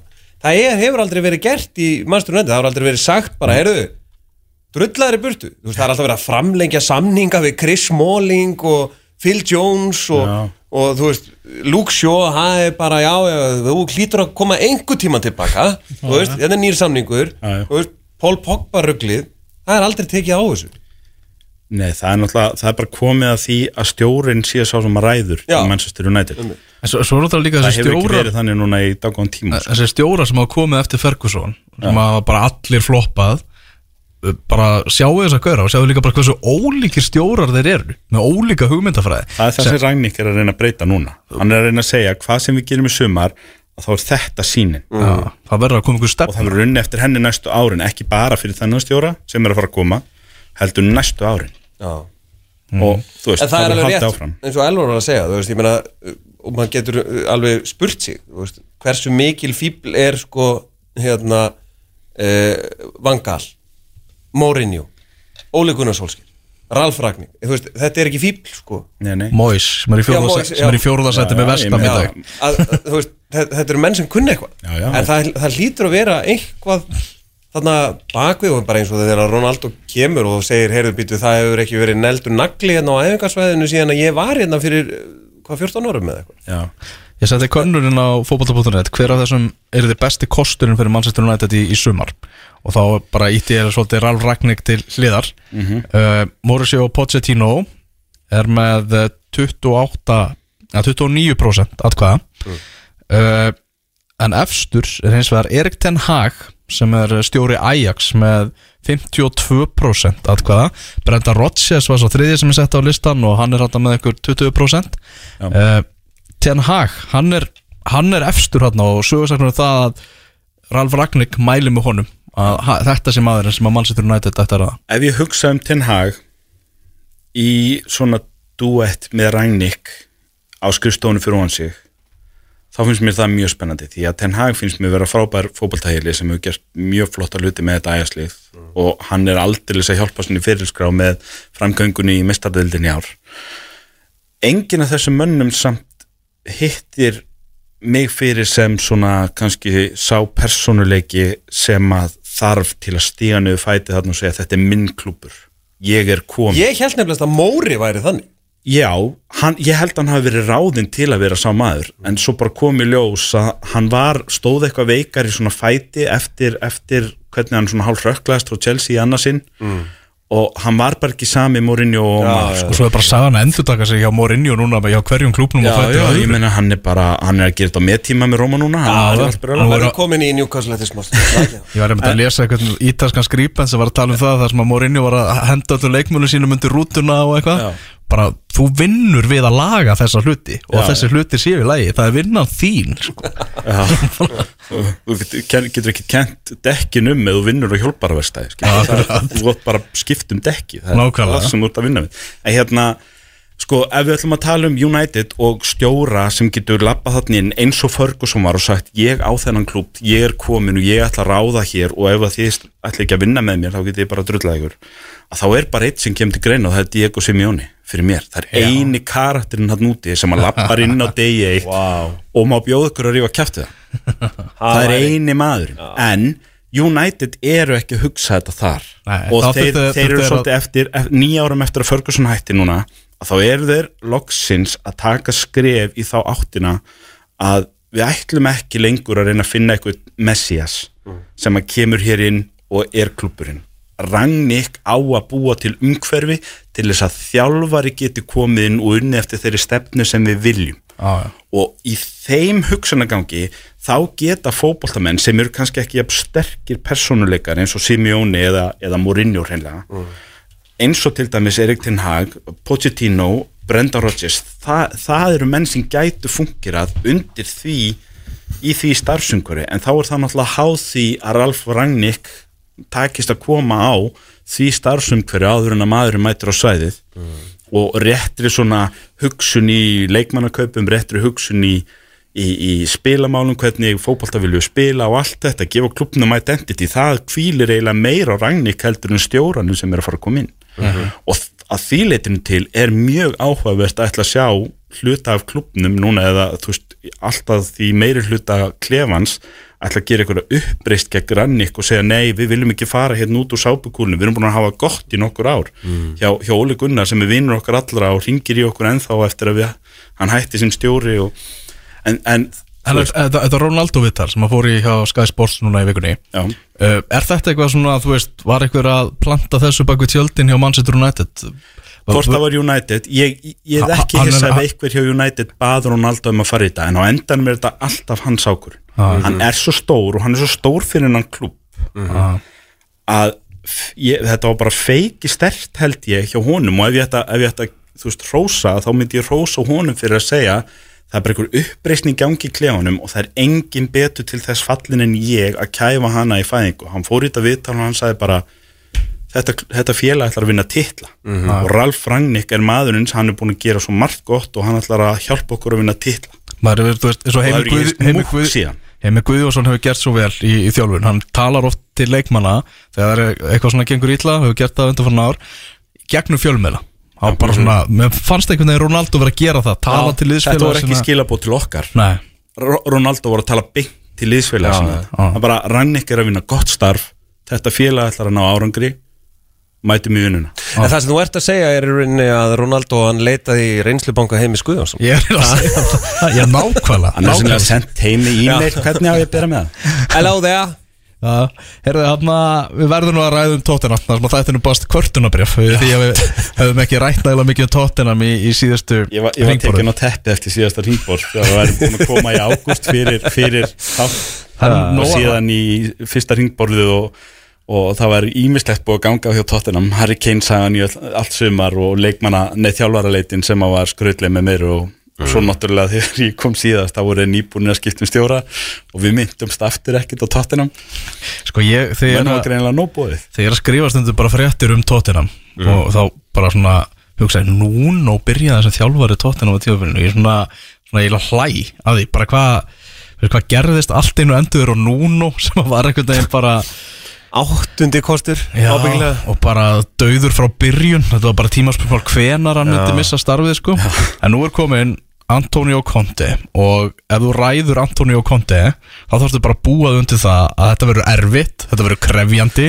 Hann, uh, hann bara talaði um það að fréttamannafundi að hann vildi fá fund með aðstu mönnum, Daniel Lífi og, og félögum.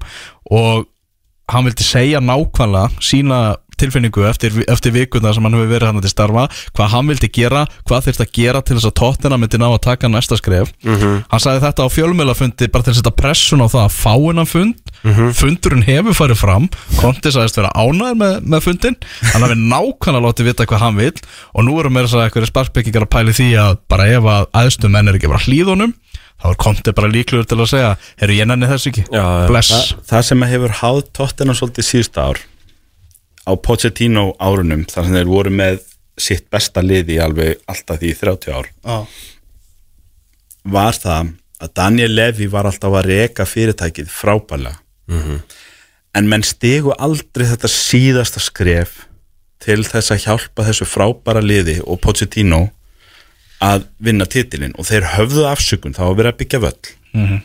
Þeir, ha- það er afsökun það var kannski ekki hægt að segja hefur við erum svo nálægt í sækjum Rahim Störling eða eitthvað líka, eitthvað sem að hjálpa okkur svona rétt yfir toppin um, og þeir þurftu alltaf að selja til að kaupa. Og hérna og þeim er náttúrulega vorkun líka þú veist, þeir, eins og vorum að tala um á þeir voru að díla við Manchester City og svo var Klopp komin til Liverpool og, og þú veist, Manchester United er þarna og Chelsea og þannig að þú veist, það er alveg það er ástæður fyrir því af hverju þetta frábæra tóttanalið náði aldrei að stíga loka skrefið og vinna titil en nú erum við bara konir að krosskutum og þeir stóðu á þessum krosskutum síðasta sumar þegar að þeir töluð við Antonio Conte sem að þegar hann var síðast í Englandi þá var hann tvennuna með Chelsea og er ríkjandi ítaljumeistari með Inter. Já, og þeir setjast í samband við hann Já. og skilabúin frá honum voru greinilega skýr. Er alveg, við þurfum ekkert að hlusta á það símtali eða það samtal til að vita nákvæmlega hvað Conte sagði, hann talaði íslensku þá.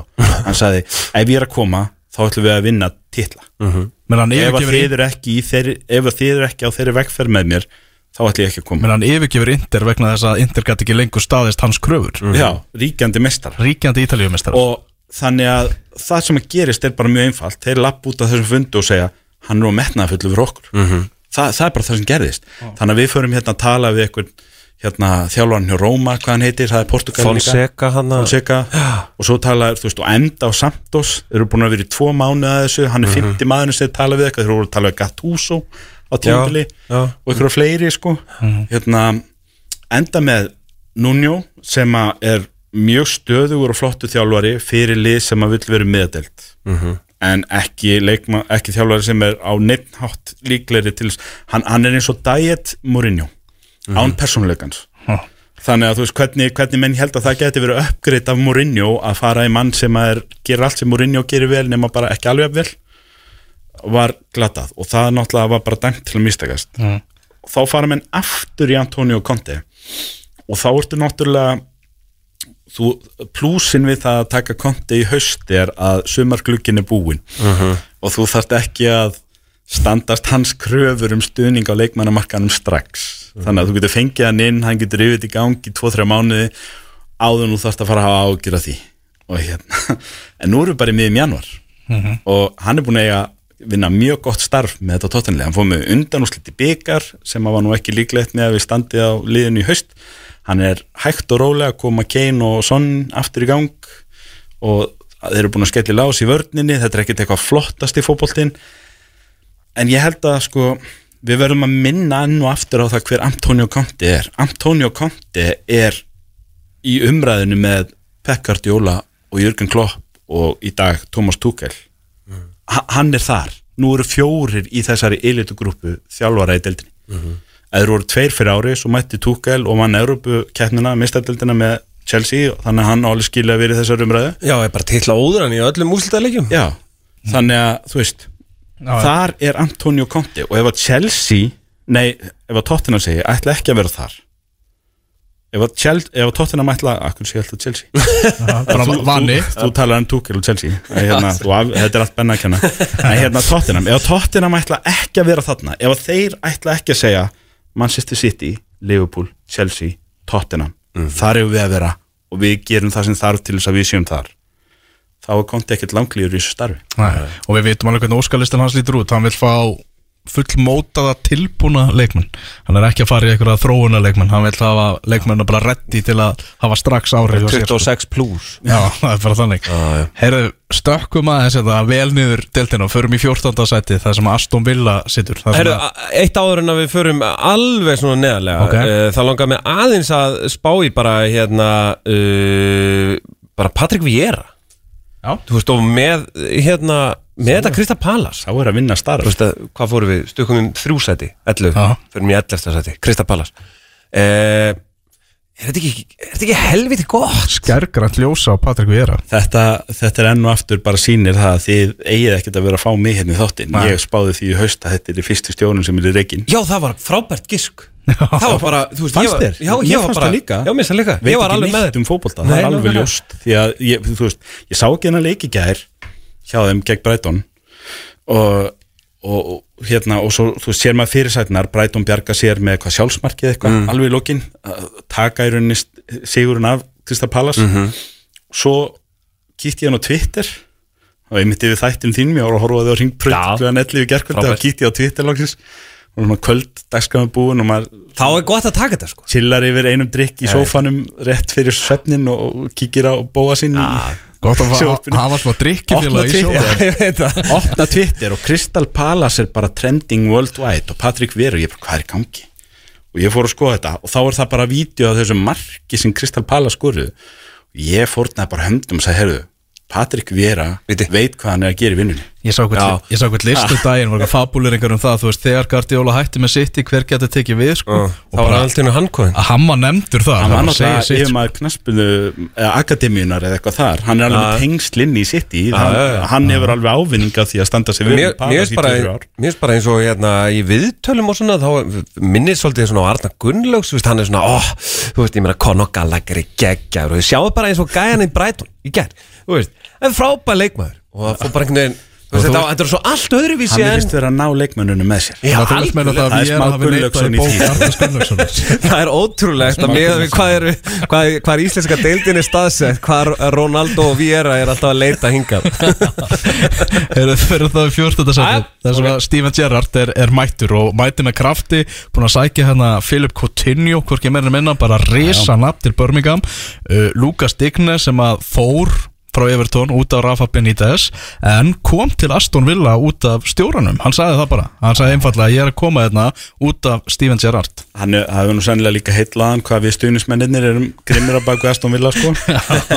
Það fjölgaði rosalega í stuðningsmannaklúpa Aston Villa þegar Gerrard tók við það, ég held veginn er að ekki- áhórstölunar hafi hækkað líka Er ekki, líka. já, nákvæmlega, er ekki hérna Coutinho, er, þetta, er hann að fá Coutinho, er hann að fá svona James Rodríguez, þú veist, þegar hann kom. Við skulum orða þannig, það kemur í ljós núna. Já. Því ef að Steven Gerrard nær honum ekki í gang hjá Aston Villa fram á vorið þá er Coutinho bara búinn.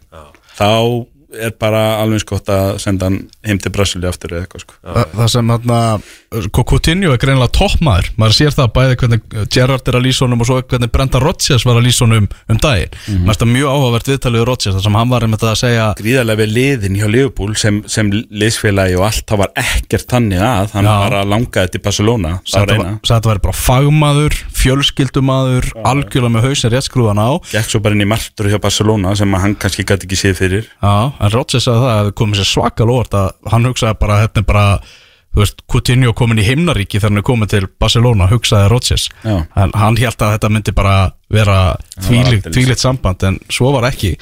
Þannig að Coutinho er alltaf með því að fara til Aston Villa alveg klálega að sína það að hann er með neistan og, og viljan til þess að rétta fyrir hann af. Já, já, ég, þú veist, ef að Gerrard nær hann ekki í gang þá er hann búinn sem leikmaður. Þannig að því, það kæmi mér ekkert orð þó svo að gamli Coutinho mæti eh, til leiks hér. Körlan í fjær. Oh. Já, en það gæti alveg tekið tíma sko. Er þegar byrjar að tala um sko, hann muni gefa honum tíma, hann er sennilega ekkert eitthvað að fara að henda honum í djúpulegin og móti United hérna síðdeis í dag. Uh, ég gæti alveg trúið að hann sitt í Luka Dinje beintin í liði sko. Mm. Eh, það er náttúrulega líka bara leikmaður að kaliberi hann er ekkert að eyða 25 miljónum punta í vinstri bakur til þess að hafa hann einhverju samkeppni við Matt Target, hann er greinilega bara búin að sjá þarna frábært tækifæri til að bæta þessa stöðu. Ég held að Luka Dinni sé betri leikmaður en Matt Target þannig að ég kemur ekkert óvart að hann fari beint þarinn, það eru frábær kaup fyrir þá. Og Rafa Benítez ennþá að gera Gerard greiða gömlu vinnirnir eða því töldur. Hérna, það var náttúrulega orðrómur hjá Liverpool að Gerard og Carragher hafi í rauninni verið á bakvið það að Rafa var reygin það verið þeir sem hafi farið inn og sagt við erum búin að ná nóan hérna, en Coutinho hann, hann, ég veit ekki út hann færi að vera á bekknum í kvöld veist, það verður eitthvað svo hann svona nuttar honum í róleitunum minni lið. Ætlast svo til þess að hann sé bara honum fastamæður í svo lið eftir fimmleiki og fram á vorið og þá geta þær mögulega keftan ef að Coutinho vil taka þessu launalekkun sem hann náttúrulega gerir, hann fær þessu laun hvergi annar staðar sem hann er með hjá Barcelona þannig að hann lítur átt að sjá því. Evertón lið, uh, hvað er að gerast með, með Benítez þar? Díknum er náttúrulega skaut þarna svakalega og hann í Instagram posti hjá sér. Evertón, uh, náttúrulega Benítez búin að íta öllum svona yfirmönnum sínum til hliðar.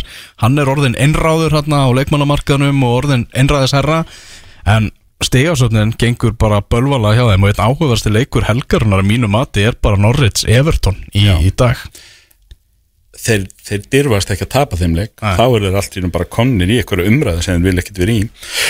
Við náttúrulega, við getum vorkend Benítez, mér náttúrulega líkar alltaf vel Benítez frá Leopoldinum, en það var alltaf þekkt stærð með Rafa, hann er ekki besti mannmanagerin, hann er svolítið stífur við leikmenn, hann er svolítið ópersonlegur, það fór alltaf í, sérstaklega fyrir brjóstið á Gerrard var vitað að því að Gerrard Tullier var árin þar áður alltaf með höndin utan um öxlin á Gerrard sko, hann, hann bauð honum í mat heim til fóreldra sinna og annað sko, það var þannig samband þeirra á milli. Já, já, já. svo var Hulliar hættur og Rafa Benítez kom inn sem er svona tactical mastermind og frábæra á æfingasæðinu með, með sínu teimi en segir alltaf stækt orfi menn og rósar ekki einu sinni þegar vel er gert sko, hann er alltaf bara að hugsa um hvað þú getur gert betur Á flug, á, í flugvelin á leiðinu frá Istanbul er ekki rétt að hérna, Benítez hann, hann uh, rak einhvern út úr sætinu sínu, settist við hliðin á Gerrard eða, eða Carragher og sagði, hei, við verum að fara yfir þetta aðtök á 2004 sko. Þetta er ekki hægt sko. Og það er bara, þú veist, herri, við erum í Európmestrar sko, þú veist, ég er reyna að fá með bjór og læti sko, með Hvað- Big Ben í fanginu Já, þú veist, og- Hir. má ég aðeins? Já. En hérna, nei við þurfum að fara yfir þetta. Það, það eru þrír mánu í næsta leik. Þú mátt ekki gleyma því þegar þú lýst kloppa hérna á 24 mínútur Já, En hérna, hann, er svolítið þar þannig að það kemur ekkert óvart. Ég meina að hann- það lenda alltaf ykkur upp á kant við Rafa því að hann er svolítið erfið karakter en hann veit sinn fótbolta. Já. og hann kemur inn náttúrulega í ómögulegum aðstæðum. Því töluðum gilva áðan við höfum farið við það. Uh, hann er svo díkes náttúrulega bara nefndi þessi ekki eftir að sinn maður Ancelotti var farin Vildi bara vera með blátt hár í Katar. Já, já, þú veist, og svo, svo lendar í meðslum ég meina Calvert Lúin er búin að eiga mjög erfitt með að halda sinn á vellinum í vetur. Uh, hérna, þetta er bara búið að vera erfitt á marga við og svo náttúrulega náður ekki að kaupa nógu vel, þeir höfðu engan pening út af, var ekki fairplay eða eitthvað þá gáttu þeir bara sótt Andros Townsend og Julian Gray á, á nei, Demri Gray á, á hérna 1,5 miljón pund samanlætt eða eitthvað. Og það náttúrulega hjálpaði um helling að þeir komu óvænt stert inn í þetta í haust en síðan hefur þetta aðeins dalað uh, kannski ástæði fyrir að greifa látum bara fara frá Lester kemur á endanum til, hann er kannski ekki nú stöðu til að gera þetta yfir heilt tímabil og, og þetta er bara búin að vera smá svona rennibraut sem að verður hálli og þeir auka hraðan niður rennibrautina og nú er það bara konnir í frekar hættulega stöðu. Ef við gefum okkur til dæmis segjum, það er, það er ekkit óhugsandi að lið eins og ef að Norvits vinnur þá í dag og lið eins og Núkastli er að kaupa í þessum glugga og fer kannski á eitthvað flug og Núkastli er kannski allt í hennu bara lið sem að fer að halinn stegum segjum það, þá er Everton bara þeir eru bara eitt af þessum þremur liðum sem þarf að passa sig. Það er alveg reynslu boltar sem eru að dansa rétt fyrir ofan fallsvæði Benítez, Bielsa og svo Claudio Ranieri með, með Watford. Bielsa náttúrulega með svakalega sigur á móti Burnley bara í tólstega leik nánast já, já. í síðustu umferð. Og nú er það Burnley, Newcastle og Norwich sem eru í fallsætun Já, ég held við getum líka sagt kannski loka orðið um Rafa Benítez er það að það er alltaf hægt að gagna, hann er ekki fullkomi stjóri en stuðnismenn Everton hafa allan heimsins kvata til þess að þóla þennan mann ekki af því hann er gammal Liverpool legend. Og þeir hafa ekki gert uppreist gegn honum á pöllunum en þá ekki að þannig að ég átti von á því að um leið og þetta lið tapaði þremur í röð eitthvað staðar eða eitthvað að þá myndu stuðnismyndi bara segja bara burt með hennan Leopold mann skilur en það hefur ekki gæst ennþá. Það held ég að segja meira en margt orðum það að þeir átta sig alveg á því hverjum það er að kenna að liðið er í þessari stöðu og það er ekki rafhöfn í þess að kenna Burnley, Newcastle og Norwich í fallsætunum. Er þetta liðin þrjú sem fara niður, Kristján? Nei, Nei. Ég, ég, held að, ég held að Newcastle hafi reitt Burnley náðarhögg. Ef að Burnley er að missa Chris Wood og ætla að sækja Andy Carroll sem er núna á lausum samningi í staðinn eins og nýjustu frétti segja sem var að klára skamtíma samning hjá Redding í dildinni fyrir neðan og fekk lítinn spilatíma þar og er eiginlega bara hálf búin sem leifmaður, þá er þeirra leiðinni niður. Og ég held að það sé alveg að komi ljós núna á stjóra nummið tvö hjá Norvits þeir eru ekki nógu góðir ennþá í þess að deild, þeir ná ekkert veginn ekki að stíga þetta skrif ég er því stein hissa ef að njúkastlu fellur. Úr, úr því sem komir, ég er ekkert að segja það þegar keftu Chris Wood, ég gerir ráð fyrir að þeir sækir tvo í viðbúti í þessum glukka þeir eru orðaði núna við, þeir eru vist að bjóði einhvern miðvör hjá Sevilla og svo hljótaður eftir að sækja miðjumann eða sókna tengilið Ég held að einhvern sem hjálpa til við að búa til mörk líka. Já, gluggadag, sko. Já, það er gluggadagur hjá Núkastlu Já, þeir, þeir, þeir, munu ofpeppa svo mikið á gluggadeginum að ég held þeir bjóði alla. Já, haldileg Alla. Já, Again, við þurfum 26 það, eða það er 25 40 miljónu í Jesse Lingard kortir yfir háti gluggadag já. það er eitthvað svoleiðis að fara að gerast. Í- þrjá svoleiðis En erum við ekki að fara í eitthvað hóptilbóð uh, Manchester United? Við Newcastle menn tóku nú oft svona Manchester United. Nú tökum við hérna, markmannin, hvað heitir hann? Dean Henderson. Já. uh, Lingard og einhvern einnan og svo bara svo, svo er það líka gera hann bara greið og taka Vambi Saga nei, Trippi er komin Já, það er ekki herri bækur. Næn það er, það er eitthvað En jú, svoleiðis að fara við- að gerast Njúkast glugg- á ekki þetta að horfa í það hvað stöðum er spila. Bara að menn eru tilbúnir og, og lausir. Já, það verður eitthvað bíó allavega hjá Newcastle ef þeir eru ennþá í fall sæti um páskana sko. Ég ég, held að- meina að þau sjáum það að eigandinn mættin í klefa um sístelgi þeir eru þetta út á deildin, nei úr byggandum Mm. þannig að veist, að, þetta gæti alveg verið eitthvað bíó í bóði næstu vikurnar og misserinn ef, að- ef þeir klýra sig ekki þarna upp en ég einhvern veginn held bara að þeir gera það sko. Mm. Eru leikir helgarinnar í Jansku úrstættinni það er ennþá markalust í leik Manchester City og Chelsea 57 mínútur á, klukkunni þar. Það er allt í lagi. Það er fínulegi uh, Klukkan þrjú þá er það Newcastle á móti Watford, það er Norwich á móti Everton, þessi leikur sem við töluðum um áðan. Þetta eru rauninni tveir rosalega áhöruleikir Já, mjög svo uh, Úlfarnir mæta Southampton og svo er það uh, síðtegis kvöldleikurinn sem er Aston Villa Manchester United. Uh, Kristján, þínu menn, þeir eru að fara að mæta Brentford unnu Naumannsjúr á Brentford síðast. Nei, Nei, Hann endaði hann endaði jafntefli þeir komum til að tilbaka æðiliðin leittu í þeim leik en hann endaði í þrjú-þrjú jafntefli. Stór skemmtilegu leikur maður. Klopp er búinn að tala í allt, allan vetur um þennan leik sem dæmi um það hvað Liverpool eru á köplum of opnir varnarlega þannig að það er alveg ljóst að hann er búinn að vera með þe- þennan leik svolítið svona, svona pílu á honum á dagatælinu hjá sér. Mhm. ég, ég hérna ég tristi því að mínu menn Matip og Van Dijk standi í lappinnar á morgun og við vinnum þetta á þess að fá okkur mark. Mm Vestam Leeds er á sama tíma og svo er það Tottenham Arsenal. Hann er alltaf staðan er ennþá þannig að sá leikur á að fara fram. Já. Arsenal að byggja um frestun og það er eitthvað að vera, vera að testa leikmenn En og, það hefur eitthvað verið að tala um sko í fréttum að bara London sé bara Ground Zero núna sko Að bara, allt opið ha, allt opið. Já, það er bara, þetta er eitthvað það er bara party í Downing Street Já, það, að það er bara eitthvað alveg hræðilegt ástand í London sko. Já, en þeir er alltaf að náttúrulega Granit Xhaka í banni og svona Já, já þannig að þarf að vera með eitthvað 13 þeir útispilara. áfrýjuðu því ekki enda rauðasta spjald vetraðins Já, það var eitthvað við lítið alltaf kvartið við því sko. mjög Er það ekki að fara í handbólt á Já, það? förum í handbóltóni Það er ekki löngu komið tíma á það. Hei, hei óhó Það er að vera upp á mótið maður Það er byrjað, Já. Fóruð að leikin í gær? Já, já, já, við sátum saman familíðan ég var hérna lélugur íslendingur ég var upptekinn. Það voru á Brætonleikin nei, Dortmund leikin nei, ég horfði ekki heldur á breytanleikin eins og ég segi, ég horfði ekki á neitt fyrir en að ég kíkta á bóa sinn það slepp með því ekki sko. Æ, nókallega Heyrða, við sendum að sjálfsögðu mann til Budapest.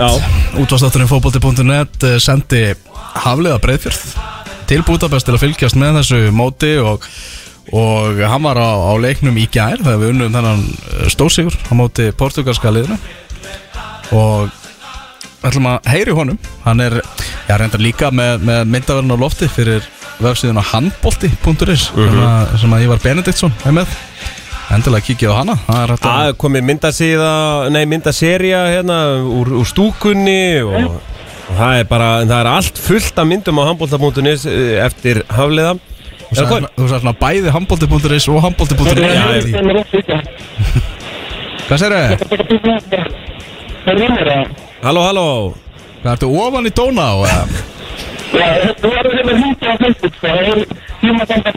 Eða? Já, við ringjum í gegnum Facebook það bara. Það er mest á hann Við gerum okkar, gerum okkar, gerum okkar, gerum okkar besta.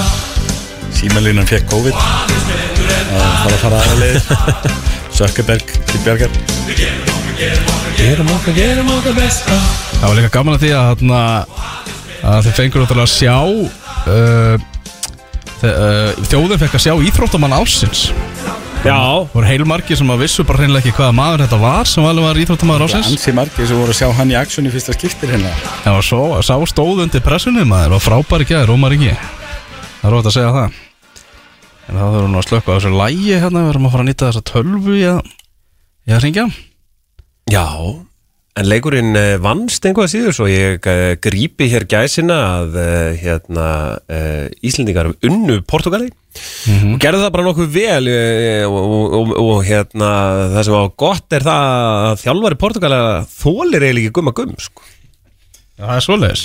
Ok, það er engin vinskapur þar. Nei, þannig að hérna, þetta var gott sko. Já, hérna ég Það er svona eitthvað lítið að ganga hérna. Það er skemmtilegt Tæknileg mistök? En það ekki, var það ekki eitthvað saga frá því að síðasta mótið eitthvað? Þar sem að Íslendingandi voru grófir við Portugalina Jú, þetta, var, þetta er Þeir, eitthvað þeir, þeir tókust aðeins á að hlýðalínu Já, þetta er eitthvað grundaði góða sko, millir að eftir einmitt eitthvað svona sem að Gumma fannst ekki vera brot en honum fannst vera rautt spjald og Já, eitthvað sko. tókust menn samt ekki hendur í leikslokk Eða var hann á nefin bara vandarlega eitthvað hannig sko. En Unguriland er að láta býða eftir sér og hérna e, Hafliði er sem sagt með handbolti.is myndavélina fyrir handbolta.is Mm. uh, er þar uh, og er, er ofta að leika sér á Instagram líka. Það er, þetta nördastöf í Hafliða finnst mér alveg geggja sko.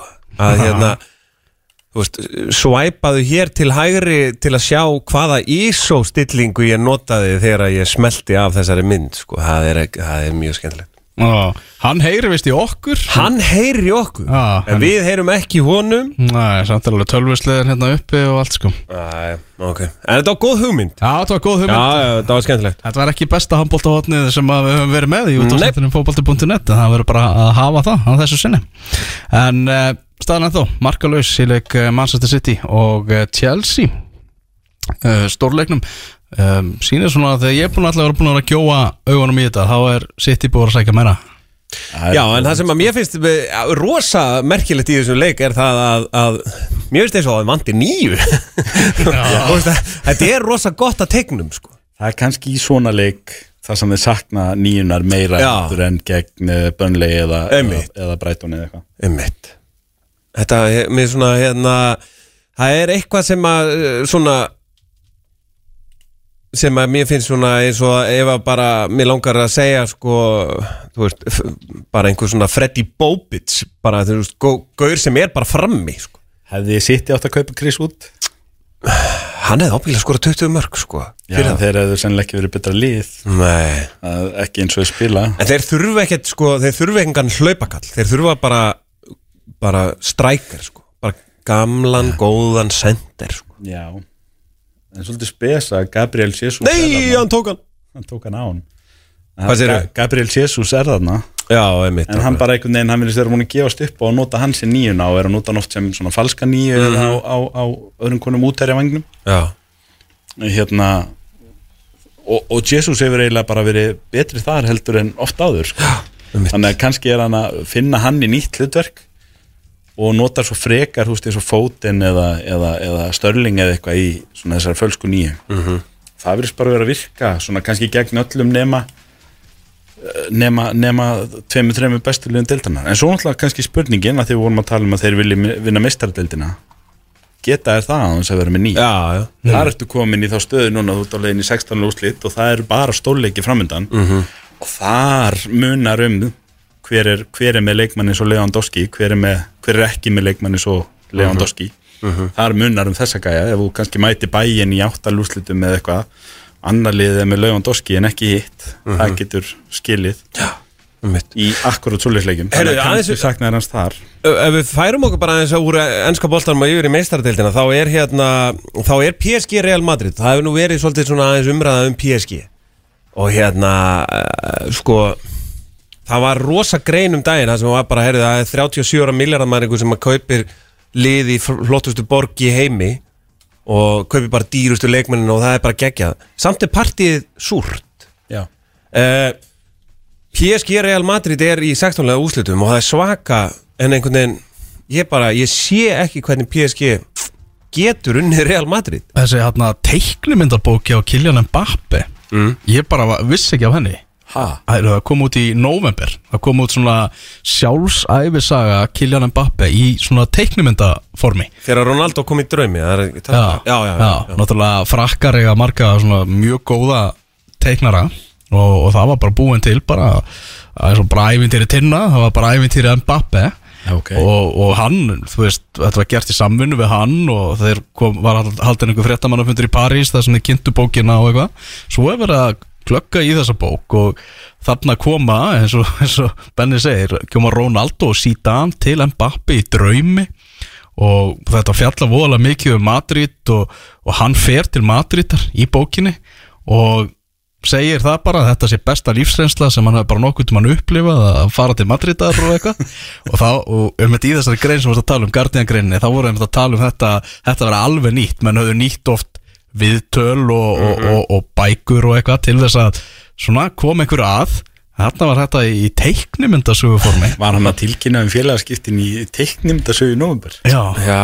hann var eiginlega að segja það sko. Og svo er líka sko hérna, mér varst hérna svolítið skrítið eins og í, svona, í þessu financial fair play. Ég minna þeir ef að þeir missa 200 miljón punta mannin sinn frítt þá, er, þá þetta, þetta hefur áhrif á það sko. Þú veist, þeir verða eiginlega að selja hann til að geta keft einhvern mann í stað þú veist, þetta er eitthvað þannig. Já. mér varst það svolítið svona hmm, ok, þú, jafnvel þó þú eigir úkslega mikið pening og getur einhvern veginn kannski mögulega svindlað á þessu kerfi þá er þetta samt þetta, þetta setur strik í reikningin Já, já, það er slæmt að missa hann frítt. Já, eins og þú segir, það hjálpar ekki sýrúminu upp á það að sæna leikminn ekki nema að þú fáir aðra stjórni frítt á móti og getur búið honum launin sem Mbappi var með.